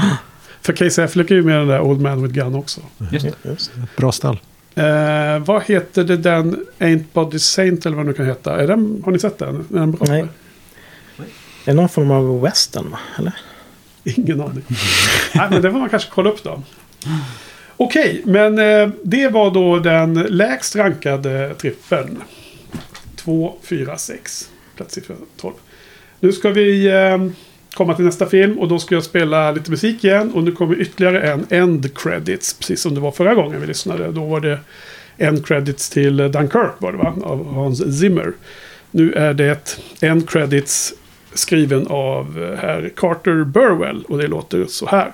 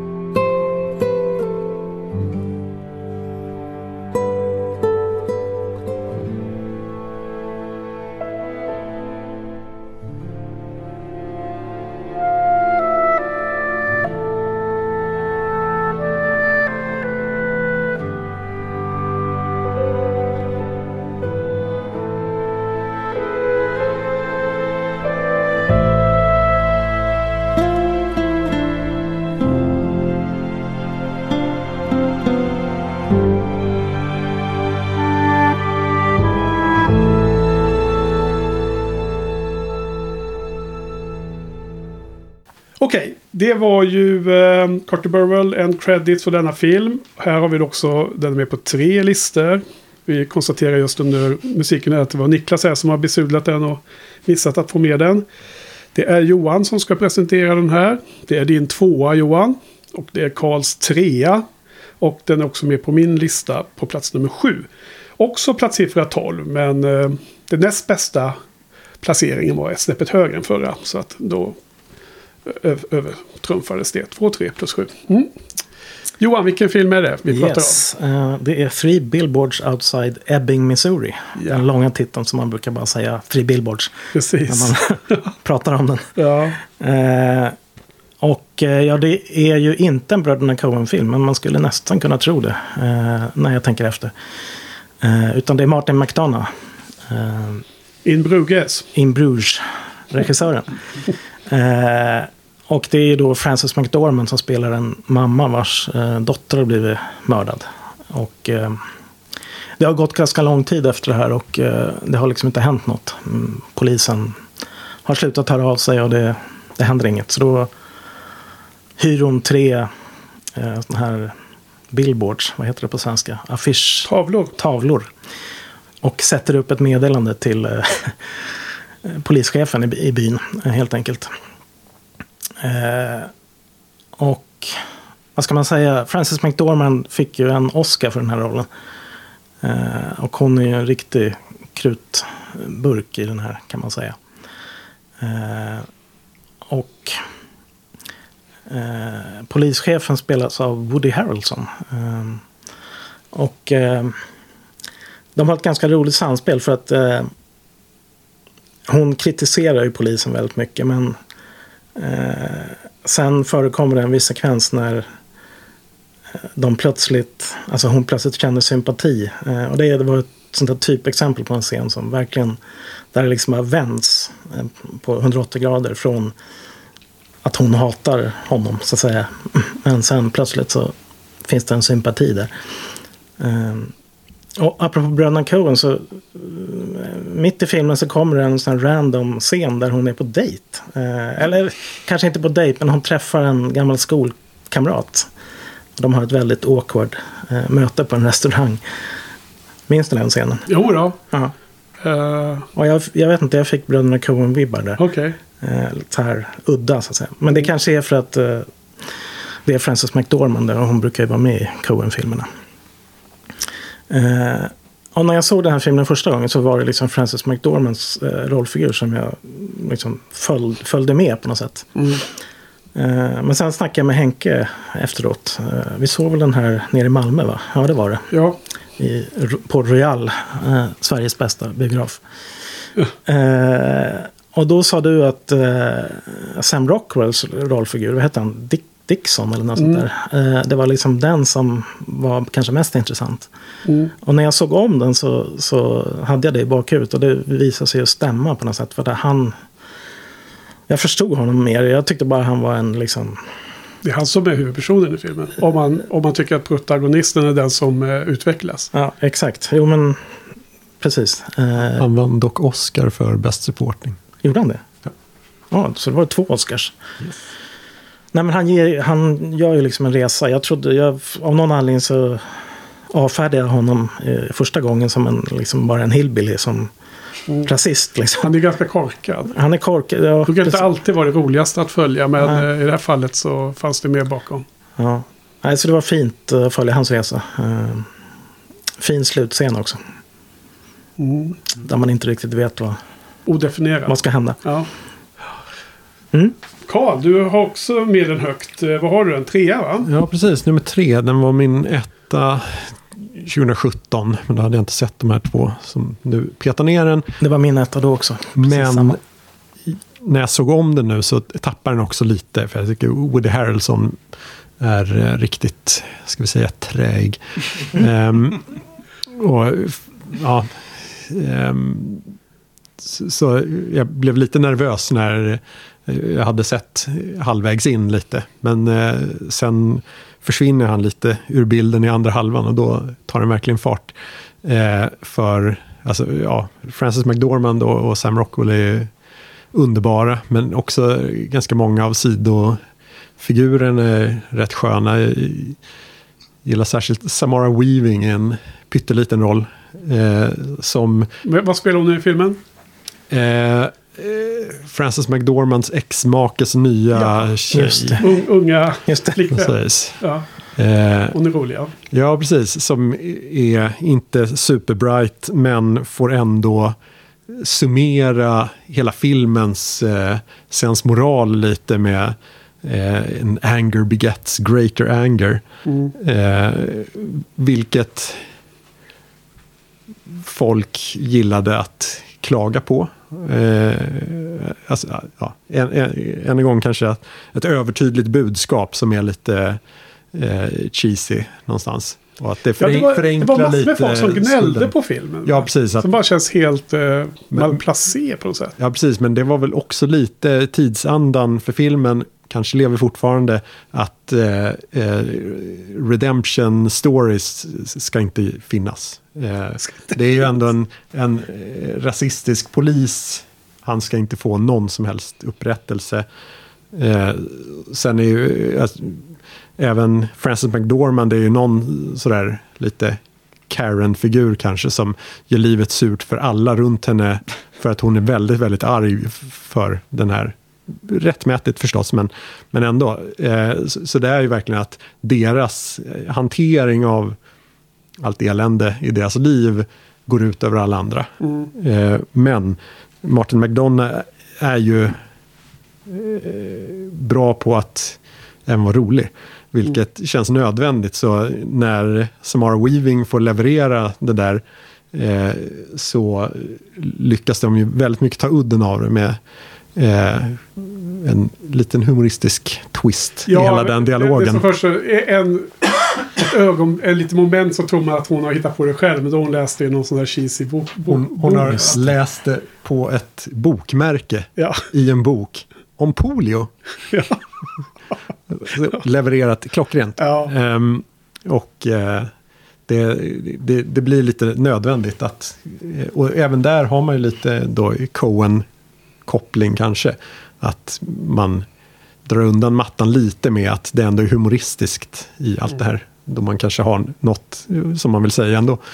Eh, och se- sen är också Martin McDonough helt underbar på eh, väldigt konfrontativ dialog. Så det är väldigt, väldigt välfunna Mm. repliker fram och tillbaka Jo. när de håller på att fightas. Helt klart. Härligt. ja, det här var ju en av de, en av de stora snackisarna det året tyckte jag. Och jag kommer ihåg att det var någon slags eh, mot backlash på den här filmen som jag aldrig förstod. Men jag tycker att det var supernice att se eh, mer djup i alla karaktärerna än vad som fanns på ytan. Liksom. Man skulle lätt kunna kategorisera alla eh, väldigt enkelt och göra filmen mycket, mycket mindre intressant om man hade haft ett sämre manus och sämre dialog. Jag tycker dialogen är så bra framförallt för att man sätts i situationer där man som åskådare förväntar sig vad ska nästa eh, bit vara i berättelsen och så kommer dialogen och ställer det lite på huvudet hela tiden. Och scener just för att folk som är eh, eh antagonister på något sätt i scenen i filmen. Det svängs flera gånger om eh, och ställs på sitt huvud. Och jag blir lycklig av att se en sån film som kan få en att känna överraskning i flera scener. Ehm, sen eh, är det en film som jag nu såg om hela filmen också. Ehm, det är en film som för mig, lustigt nog, alltså, känns bättre när man ser den. Och att den svalnar lite snabbare än vissa andra filmer på den, min lista. Nu gör att den kommer på undre halvan av topp 10. Men det är fortfarande en topp 10-film, absolut. Den var lite högre på min första årslista för fem år sedan. Ehm, jag vet inte riktigt varför det känns så, men det är väl att det på något sätt inte leder till något djup, djupgående insikt hos mig som åskådare på något sätt. Men jag, jag trivs väldigt mycket med filmen när jag väl ser den. Eh, sen så skulle jag komma med en liten hot take här då kanske. Ett, eh, ett uttalande som kan anses som eh, utmanande eller något liknande. Du vet vi spelar in nu. Ja, ja, ja. ja men det är nog inte så farligt. Men jag håller inte alls med dig där, Carl, om att Woody Harrelson var, var träig.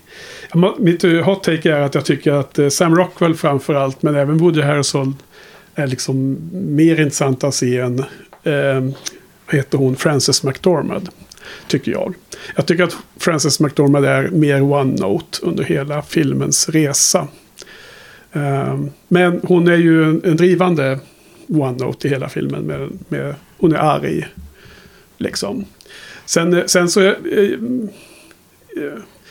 jag tycker den, den scenen, vi, nu är det fem år sedan så vi har ju spoilat en del filmer. Men det är, det är lite sakens natur när man lyssnar på en podd om topp 10 filmerna så får folk förhoppningsvis klara av. Men vi ska ju inte spoila allting kanske. Men den där scenen du tänker på där, det- där hon, hennes karaktär visar eh, empati till polischefen.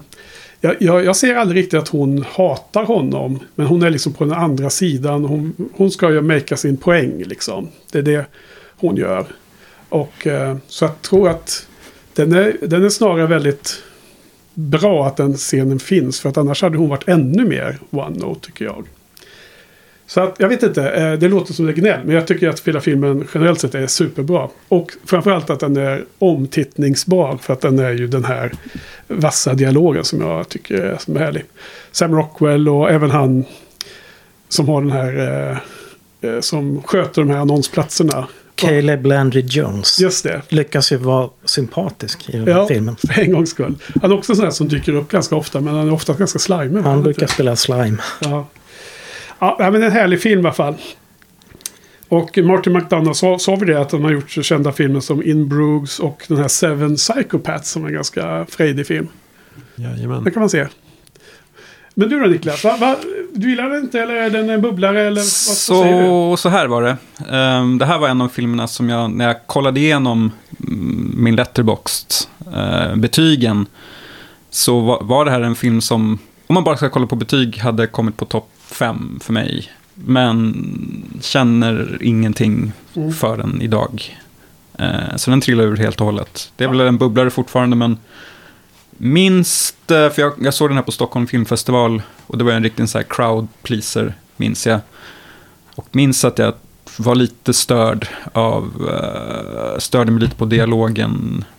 Eh, jag ska säga att jag, jag gillade ju verkligen inte Seven Psychopaths eh, och har inte sett In, In Bruges. Nej. Så jag är inget McDonough-fan, kan jag inte påstå. Men det var väl skådespelarna som gjorde att det funkade mycket bättre i den här filmen än eh, tidigare. Bra karaktärer, men för mig att jag kanske inte riktigt kunde acceptera hans eh, förvandling där, Sam Rockwells. Från ond hillbilly till godhjärtad. Ja, ja. Nu var det kanske en förenkling av vad som hände i filmen. Ja, men jag för, var det inte, hände det inte typ över en natt eller någonting sånt? Nej, men det, ja, Det var inget som växte fram riktigt vad jag kände. alltså, om man definierar honom som ond hillbilly så var det så. Men om man såg att han var en korkad och missledd person som, som hade fler strängar på sin lyra som inte framkom i de Mm. två, tre scener man såg honom innan regissören tillåt oss se andra sidor av honom. Då, Det jag då tänkte på var det var- inte så. Att han var väldigt påverkad av sin mor. Ja, hon var riktig, Ja. riktig rasist. Ja, Mm. och han liksom var förledd Ja. av henne. Men Sen, sen jag gillar filmen att den var... Det här med filmfilm, att det var en riktigt genomarbetad. Det är som den här... En sån liten bisarr detalj med den här sköldpaddan som gick över hennes knä. I en scen om ni kommer ihåg det. Mamman som sitter och är helt vidrig i vad hon, hennes åsikter. Och hon, det- här har vi ju en son som är ganska korkad. Rejält korkad på, på alla sätt att mäta. Och som bara är helt eh, feluppfostrad om man säger så. Och, och sen så lättas scenen upp med den här eh, sköldpaddan som klättrar omkring i knät på henne. Kommer ni ihåg den här Ja, ja. scenen? ja. Jag förstår inte riktigt varför, men det blir väldigt eh, konstig känsla. Lustig, lustig av, avbry, bryter av tonaliteten väldigt. Ja. Just en scen i alla fall. Sen var det, jag, jag vet inte om jag drogs med, men jag minns inte heller riktigt vad den här backlashen handlade om. Men jag vet att det var många medvetna tyckare som eh, drog ner den här filmen i efterhand. Ja. Som gjorde att man, man fick en lite dålig eftersmak i munnen. Men nu kan jag faktiskt inte peka på vad det var som folk Nej, det, var det så är ju arga på. lätt så. Jag tror det kan ha gjort, haft att göra med hans karaktär, Var Sam det inte Rockwell. Sam Ja, ja. Rockwells omvändelse? Ja, att Ja. det var lite förenklat, eh, liksom, var rasism kommer ifrån. Mm. Kan det ha varit det? Nej, men det, väl, det passar ju inte in i eh, vissa folks uh, världsbild, så då måste det väl Sågat. dras ner. Ja. Men den är jättebra. Jag känner mig lite dum nu som inte tog med den. Ja. Men det är för sent. Det är för sent nu, absolut. Och nu... Eh, har du något mer att kommentera, Karl? Du ser sugen ut. Eh, nej, vi, nej, jag Nej. vet inte. Carter Burwells eh, score till en Oscarsnominerat. Ja, Han torskar till Alexander Duplat, okej. för... Eh, Shape of Water. vad sa du? The Shape of Water. Ah, den där dåliga filmen. den den vann allting det året, kändes det som. Ja, eh, den har vi inte med på våra listor, lyckligtvis. Nu har vi bara en film kvar. Och så spelar lite eh, musik från denna film. Och nu ska vi se vad, vad det kan vara och eh, hur det kan bli med om det är en triplett eller om det är kvadruppel. Det är bara en enda film kvar. Då kommer lite musikillustration från den filmen. Börjar nu.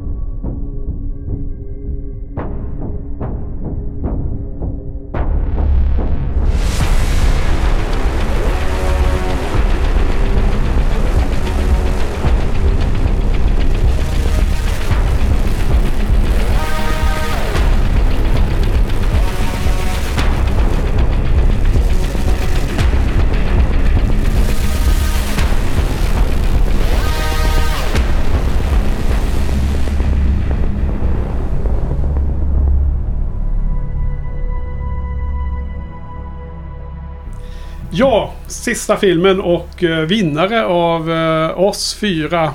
Våra, våran bästa film från 2017 om man bedömer efter Shiny Podden special. Nej, det är inte en kvadrupel. Det är inte på alla fyra listorna. Eh, Karl, den rackaren, har varit inne här igen och besudlat en Denis Villeneuve-film till. Jag visste det. Det här är det Niklas som ska presentera filmen som den här musiken kom från. Eh, musiken skriven av Hans Zimmer. Låten heter Sea Wall. Och eh, det är din etta, Niklas. Och det är min etta. Mhm. Lustigt nog att vi har två filmer som har Två läger här. två läger. På andra sidan bordet så är det First Reform som båda ettorna och här är det vår film nu. Men sen har Johan med den här som femte placerad. Så här har vi Ja.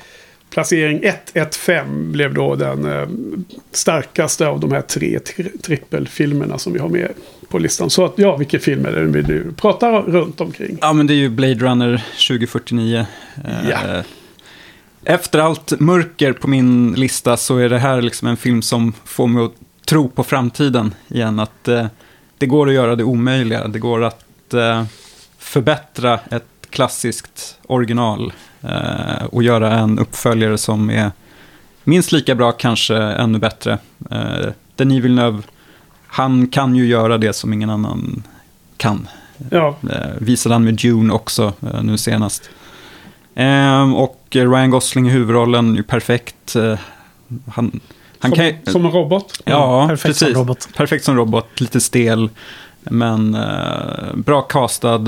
Ehm, Harrison Ford gör comeback, eh, men dyker väl inte upp för en halva filmen ungefär. Ehm, ja, men en fantastiskt världsbygge eh, och han omger sig med otroliga, otrolig personal. Vill- Villeneuve med... Vem, är det Deakins som har Roger gjort... Deakins. eh, Yes. så den ser ju fantastisk ut. Jag har nog aldrig sett en science fiction-film så här snygg. Eh, och låtit så här bra vet jag inte om någon film har gjort heller i samma genre. Dune skulle det vara då. Ja, det skulle väl vara Dune då i så fall. Ehm, men, och jag är väldigt glad att den aldrig liksom blir en sån här, ett, att det blir något stort slag eller någon stor actionsekvens. Det närmaste vi kommer är väl den här biljakten med de här svävande bilarna i regnet på slutet. Ja, ute i havet där. Ja. Ute i havet, det är väl det som är den, den stora liksom, Där klimaxet. den här musiken kom från. Ja, precis. Men de, det som mig, gör mig mest berörd är ju de här liksom, personliga mötena med karaktärerna och eh, hur de ser sig själva i den här världen och hur den knyter ihop är ju mästerligt. Rachel och, och hennes dotter och det här. Ja. Ja, perfekt eh, skolboksexempel på hur man bygger vidare på ett original. Mm, jag håller bara med. Så jag har skrivit upp det till och med. Den i Villeneuve lyckats med något som var, som var omöjligt att lyckas med. Alltså att göra en bra uppföljare till en av filmhistoriens mest ikoniska omtalade science fiction-filmer. Det borde inte ha kunnat gått. Men jag håller med. Den här är ju... De är lite olika. Men det här eh, IMAX-visningen. Eh, sound design och eh, eh production design och foto är ju så helt otroligt. Det var liksom det som det känner in i kroppen liksom. Eh, och så hög ljudvolym där inne att det är ju liksom nästan ont i inre organ. Eh, Riktigt häftigt. Eh, så det är ganska givet att den här är etta. Jag hade den faktiskt på andra plats för fem år sedan på min lista. Men det var någon slags pretentiös hy- hybris som jag har kommit över. Skönt. Eh, Anna de Armas glömde du nämna. Mm. Eh, Spelar en ganska viktig roll även i handlingen. Lust det här med Ryan Gosling som är usel på skådespeleri känns det som. Han är totalt eh, känslokall, ger ing- mig ingenting. Men han passar ju som eh, Neil Armstrong och Japp. som eh, i den här filmen. I båda dem hyllar jag och där är han bra. Där, där spelar hans stil väldigt väl. Denis Villeneuve är ju absolut, som du har varit inne på Johan, bästa regissören nu. Arrival, Sicario, Enemy. Dune hoppas jag mycket på uppföljaren för jag tyckte första filmen blev alldeles för mycket en halv film. Känslan av, men jag hoppas på den. Och sen ska han också göra Rendezvous with Rama. Arthur C. Clarks första eh, sci-fi roman eh, i Rama-bokserien. Som jag, den har jag läst och den är Hoppas jättespännande. inte han bränner ut sig. Nej, jag hoppas att han eh, fortsätter. Det känns som... Ja. Många stora projekt nu. ja. Ja. Nej, men vad kan man säga mer? Eh, eh, jag har nog fått med mina eh, notes här. Jag, jag tycker att den... Eh, just det, nu kommer jag att tänka på att den bygger vidare på det som gjorde att första Blade Runner från att inte ha varit en jättehit när den kom 82 har blivit den här ikoniska filmen som alla, som man, de, de som är intresserade pratar om och spekulerar om och fortsätter att förvalta den här världen och idéerna och eh, mystiken runt filmen tycker jag att den förvaltar de idéerna på ett oväntat bra sätt. Man skulle kunna paja det där hur lätt som helst. Titta bara på Ridley Scott som med, sin, med sina Alien-filmer ska gå tillbaka och försöka förklara var Alien kommer ifrån. Vilket är helt onödvändigt. De, de är mycket bättre när det inte är förklarat.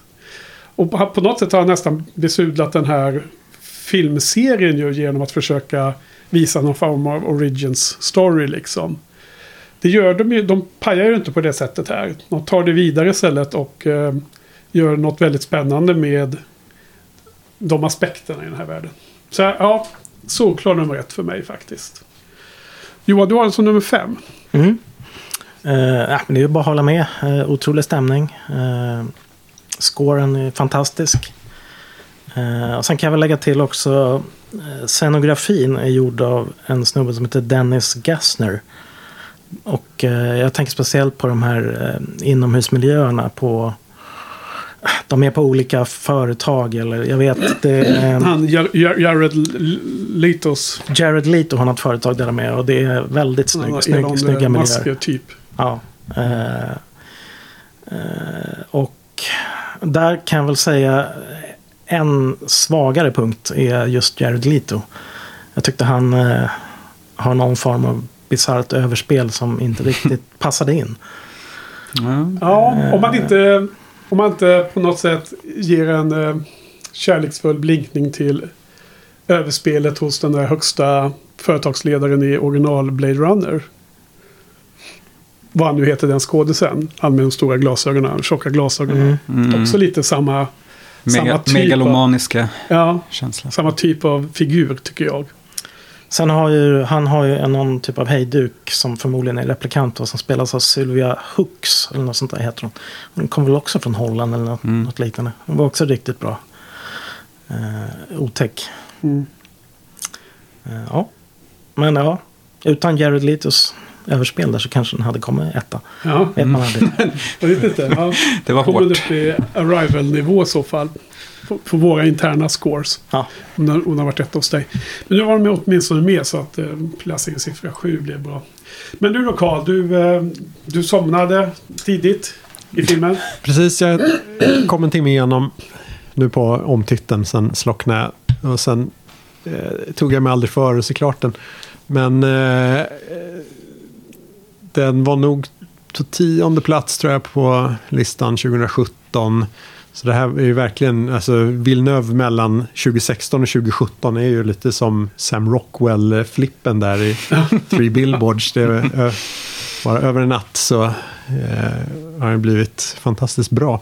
Eh, så nej, jag instämmer ju i allt ni säger. Det är väldigt, väldigt imponerande att göra en remake då man vidareutvecklar själva idéerna i, i originalet istället för att försöka bara återskapa någon sorts känsla eller eh, ja, återanvända. Ja, precis. Bara, ja, så väldigt, väldigt imponerande. Mm. Ja, den är uh, häftig. Okej. Då ska vi börja wrap it up lite. Först så tänkte jag bara nämna, för kan ni ju kommentera vad ni tycker. Jag har ju alltså fyra filmer som var på min lista då 2017. Som har ramlat ut. Min plats nummer 10 är Wonder Woman. Som jag hade med enkom på att jag hade en så härlig biovisning tillsammans med min vid det, vid det läget 11-åriga systerdotter. Och, och liksom såg den delvis via hennes ögon och det var kul grej. Hade jag med lite för den sakens skull också förra gången. Och nu speciellt med den dåliga uppföljaren så var det ju helt otänkbart att ha med Wonder Woman längre. eh, sen eh, var det då den här filmen som vi ska snart eh, diskutera. Den som jag tyck, trodde snackisen som inte var med längre. Den har ramlat ut hos mig. Jag återkommer till den. Sen hade jag Logan på plats tre, Johan, förra gången. Men nu, nu då med tanke på att jag inte blev sugen Nej, att nej, se nej. vidare på den så funkar det inte längre.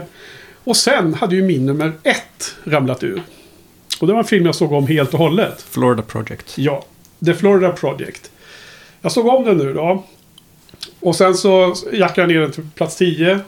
Och sen så insåg jag att nej, men jag tycker ju Jumanji är mycket bättre som film. Ja. Men alltså, The Florida Project har en otroligt bra slutscen. Alltså den är eh, magisk för mig. Eh, känslomässig, fullträff, eh, dammigt i rummet, allting.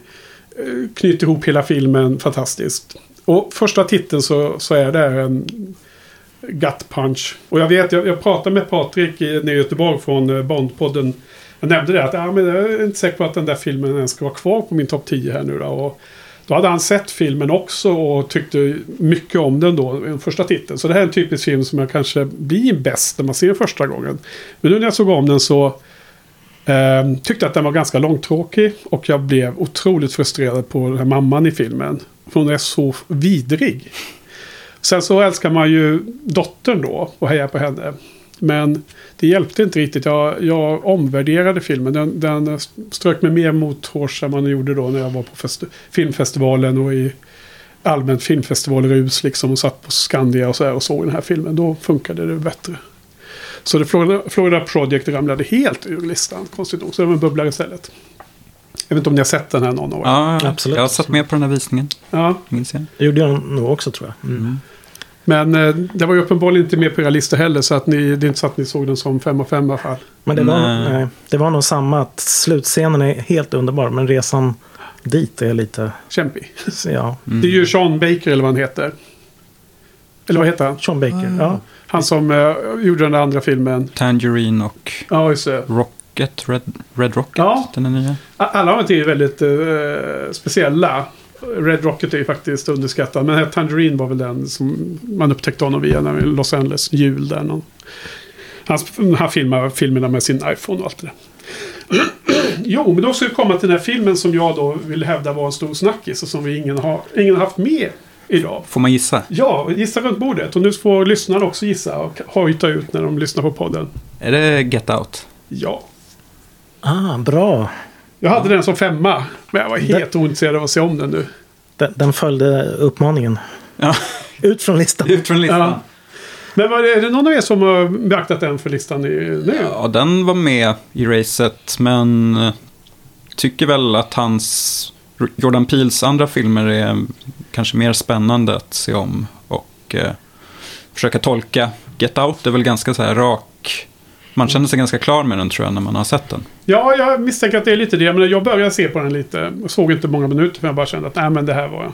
Ja, Det här kan vi. jag kommer ihåg den här nu. jag, jag vet, den ger inte mer. Se om den. Du då Carl, har, har du sett Get Out? Ja, men ja, jag kände ju exakt likadant. Särskilt när Ass kom så den var ju väldigt, väldigt mycket mer spännande och, och ha kvar i huvudet. Eh, så ja, den, den är ju, Get Out är väl bra men aldrig aktuell för någon topp 10. Mm. Du då Johan? Ja, det är lite samma här. Ja, Jag minns att när, den var, när det var en snackis så var jag också lite sådär. Ja, det, den är väl bra men liksom, det är en väldig hype runt den. Ja, Eh, orimligt. ja, faktiskt. Ja. ja nej, men det, det var häftigt på något sätt. Eh, nytt och eh, filmupplevelsen var ganska wild ride. Sen så gillade jag aldrig tredje akten. Det blev liksom ballade ur. Eh, det var mycket, mycket mer häftigt i början när det var ett mysterium mer än att det skulle liksom visas saker. Eh, så det är kanske en sån film som man, man ser en gång och sen räcker det. Nu ska ni få chansen att tänka ut några extra hedersomnämnanden. Och medan ni funderar kan jag börja. Väldigt många av mina bubblare har ju redan nämnts och jag har ju hojtat till då. Men jag har två filmer som jag skulle kunna nämna som då inte har nämnts ikväll. Och det ena är en film som jag eh, såg här därför att den var på plats nummer ett på Christian Movies Noirs årslista från det året. Det är den finska storfilmen Okänd soldat. Jag har inte skrivit upp vad den heter på finska. Eh, men det är ju den andra eller tredje filmatiseringen av eh, den kända eh, boken. Om det finska fortsättningskriget. Som startade året efter finska vinterkriget. Som hade slutat med att Sovjetunionen vann massor med mark i freden med Finland. Och sen så slog sig Finland ihop med Tyskland. Fiendens fiende är min vän. Och gemensamt slog tillbaks mot Sovjet och tog tillbaks mycket av marken innan de sen förlorade den igen och förlorade ytterligare lite mark. Så det var en dålig deal. Den filmen var ju otroligt eh, tuff. Alltså hård. Eh, sorglig. Mm. Eh, men ofantligt imponerande att finnarna har gjort den filmen, måste jag säga. Mm. Lång så in i helvete. Eh, och det var ett fåtal personer man, man följde och framförallt en karaktär. Någon slags huvudperson som jag bara blev helt, du vet, eh, förälskad i. Eh, vars familj då har en gård på den delen som Sovjet tog över i första kriget. Så han fightas ju verkligen för att ens kunna ha kvar sitt liv liksom där. Sen förlorar de ju allt igen och då måste han ju, de fly igen och så.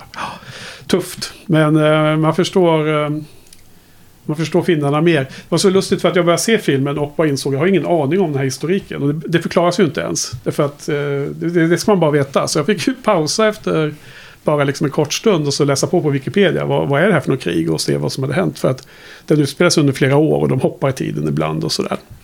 Så att, ehm, ja, det är en bubblare. Och sen, eh, ja, men det var den jag ville nämna. Är det någon annan som har någon? Ja, men jag kan nämna um, Call Me By Your Name. Tyckte jag var väldigt bra när jag såg den och var med på listan. Men nu i efterhand så är det inget som väcker något. Inte sugen? Nej, inte se om. Uh, Army Hammer kan man inte se på samma sätt längre riktigt. Nej, han blev cancellerad eller? Cancelled. Cancel. Det var, är, han eh, typ eh, Kannibal. kannibal eller? Ja, fast det, inte literally tror Okej. jag. Men eh, Bara i fantasin? I fantasin. Ja. Eh, sen hade jag skrivit upp. Men var, var, var, var inte det en filmspanarfilm? Som jag valde ut? På filmfestivalen? Ja. Call me by your name. Oklart. Ja. Liksom. Nej, okej. Ja, det, var, det är väl den jag vill nämna. Men jag tycker det är eh, anmärkningsvärt att ingen hade med någon Marvel-film. Var det ett dåligt år för Marvel? Ja, jag, jag tycker det. Plus att jag har börjat tröttna på Marvel. Men det var ju, den mest kända därifrån var ju den här Ragnarök. Eh, Tredje Ja, Thor-filmen. Och den är ju kul. Men den är ju inte mer än det. Men det var någon Guardians of the Galaxy Tvåan. 2. Ja. Och så var det, var det första Spiderman. Ganska rolig. Ja, men ingen av dem är ju... Är ju Det är inte topp 30. ja, men det, är- det, det, är inte, det är inte ens de tunga Marvel-filmerna som fortfarande kan vara bra. Tycker jag. Avengers och de där. Så det är ingen sån film som var. Då hade det funnits på min lista säkert. Mm.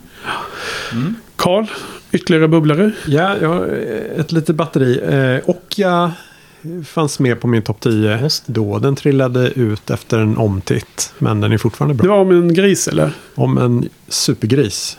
Ja, men du gillar ju den så mycket Johan. Ja, ja. Den är, den är en bubblare. Ja, den är bubblare. Så det, du har inte helt glömt den. Nej. Den är fantastisk. Sen även eh, Loveless av Andrei Svegintsev. Om en liten rysk pojke som försvinner och föräldrarna är inte så intresserade av att hitta honom. Träligt. a- alla hans filmer är väldigt, väldigt eh, bra. Väldigt högkvalitativa och eh, eh, aningen kritiska mot Det är han som har gjort återkomsten. just det. Ja. Och du kunde uttala hans efternamn också riktigt bra. Jag, jag, jag trodde nästan du sa The, the, the Villainess, men det var något helt annat. en helt annan film. Eh, men sen även Svenska småstad. Väldigt, väldigt fin. Ja, vänta, såg inte vi den?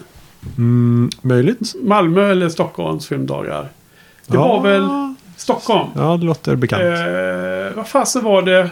Nästan dokumentärt va? Precis, nästan. Det är typ en hel familj som är med och Det har spelar. jag sett. Ja, Det är bra. himla fin.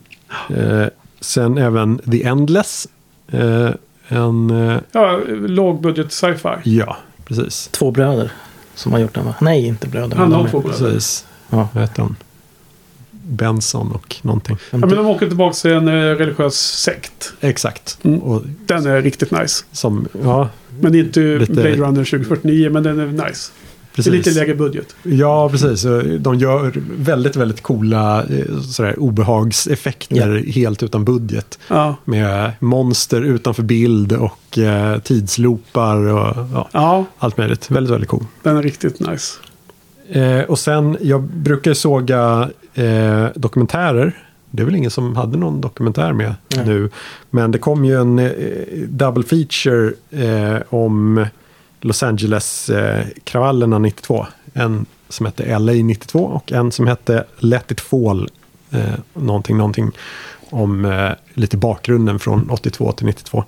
Eh, båda väldigt eh, starka dokumentärer om alla de här kravallerna. Och Okej. Då, den ena som bara använder arkivmaterial från nyhetsbilder och folk som har fotat. Väldigt eh, upprörande, starka bilder. Och sen den andra som lite förklarar bakgrunden till eh, vad som har lett fram till eh, situationen där. Om eh, eh, polisbrutalitet och visitationszoner och sånt där som leder till eh, försämrad gängkriminalitet. Som kanske är aktuellt här. Ja, det jag har inte hört om de dokumentärerna dock. Nej. Nej, tips. Ja. Du då Johan?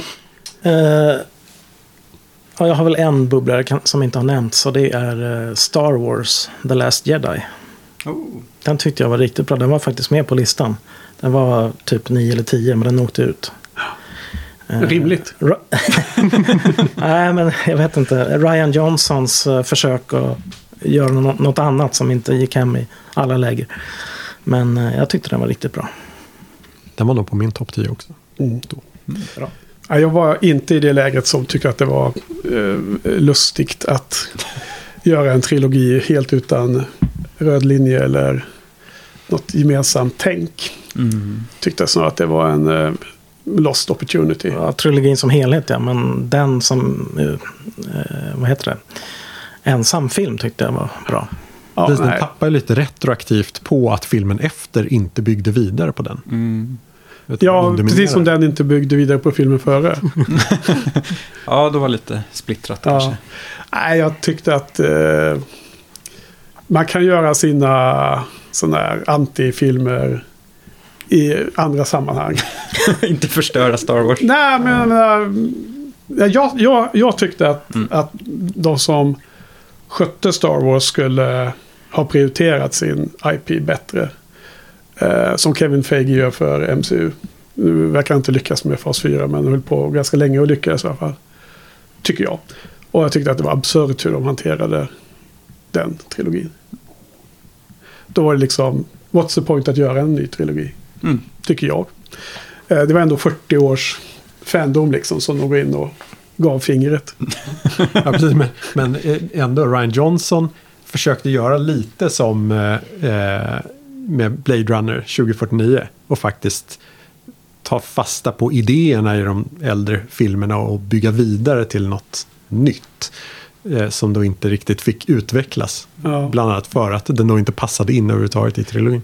ja nej, men det, det låter ju bra på pappret men då är frågan vilka idéer man, man väljer att ta. Man hittar på, ja men det finns någon random obskyr eh, comic book eller serietidning så finns den här aspekten. Då gör vi det till en stor grej i den här filmen. Så det, jag kan tycka att man ska vårda en sån, en sån filmserie på ett annorlunda sätt. Ja, det är som jag tycker. Så den var ju liksom typ på listan av eh, årets eh, besvikelse. List of shame. Ja, besvikelse framför allt. Mm. Liksom. Ehm, inte de sämsta filmerna, för jag menar det är alltid en stor, stor produktion. Man såg den på bio och sådär, men... Ja. Men det är, det är en annan typ av lista. Okej, har, har vi... eh, Ja, har du kommit fram till någon röd tråd Niklas? Kan du sammanfatta det i slutet här nu då? Det var mycket mörker och mycket stressigt och eh, eskalerande jobbiga situationer känns det som. Ja, och jag vet inte varför det var så. Det kanske var mm, något jag uppskattar på film helt enkelt. Måste säga att det var svårare att ehm, plocka fram tankar ur de här filmerna lite på uppstuds mm, på ett sätt. För att det var kanske fem år sedan jag såg dem.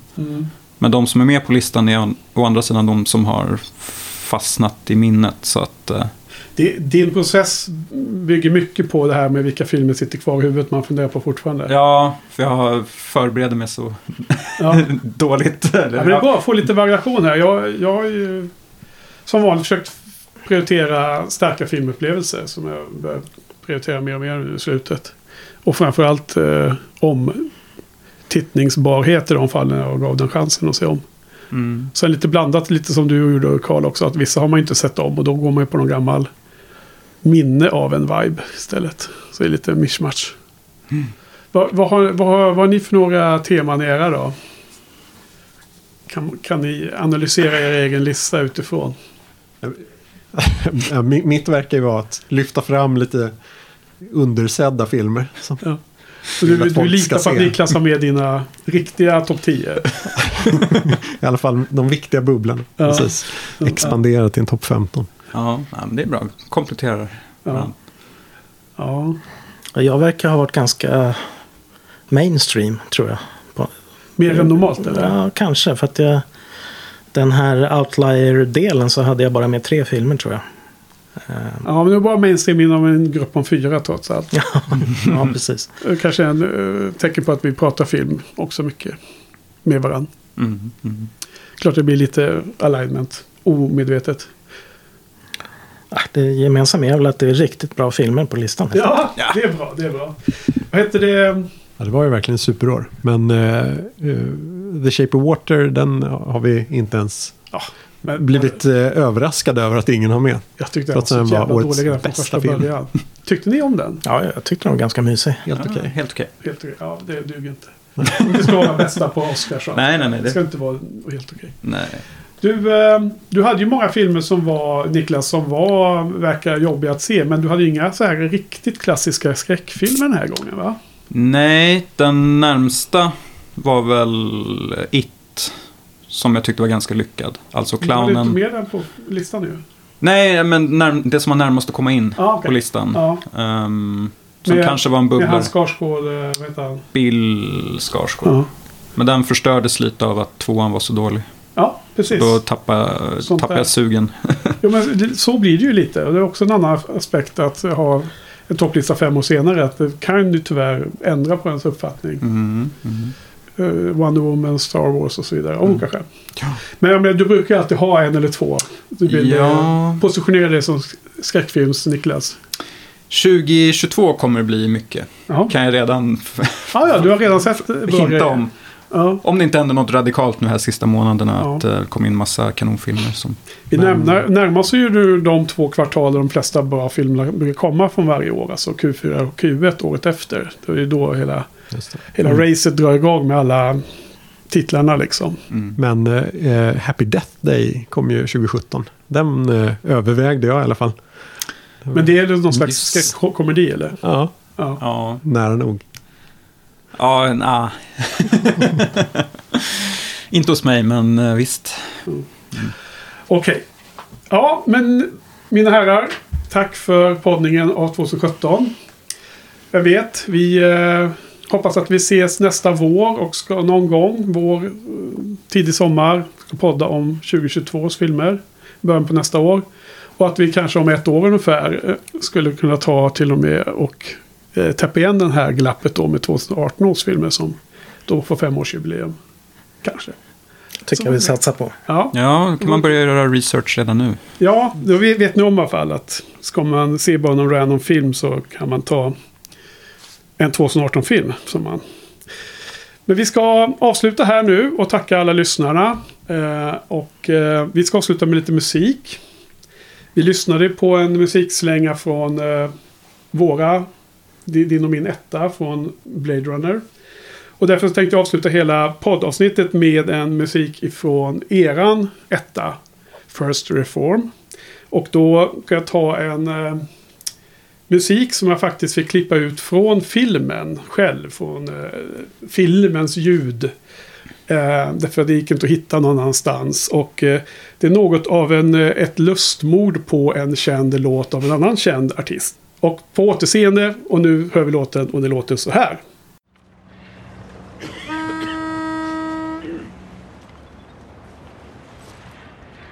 Protect the wild, tomorrow's child. Protect the land from the greed of man. Take out the dams, stand up to oil. Protect the plants and renew the soil. Who's gonna stand up and save the earth? Who's gonna say that she's had enough? Who's gonna take on the big machine?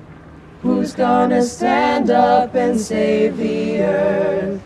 This all starts with you and me. And fossil fuels draw the line before we build one more pipeline. And fracking now, let's save the water and build a life for our sons and daughters. Who's gonna stand up and save the earth? Who's gonna say that she's had enough? Who's gonna take on the big machine? Who's gonna stand up and save the earth? This all starts with you and me.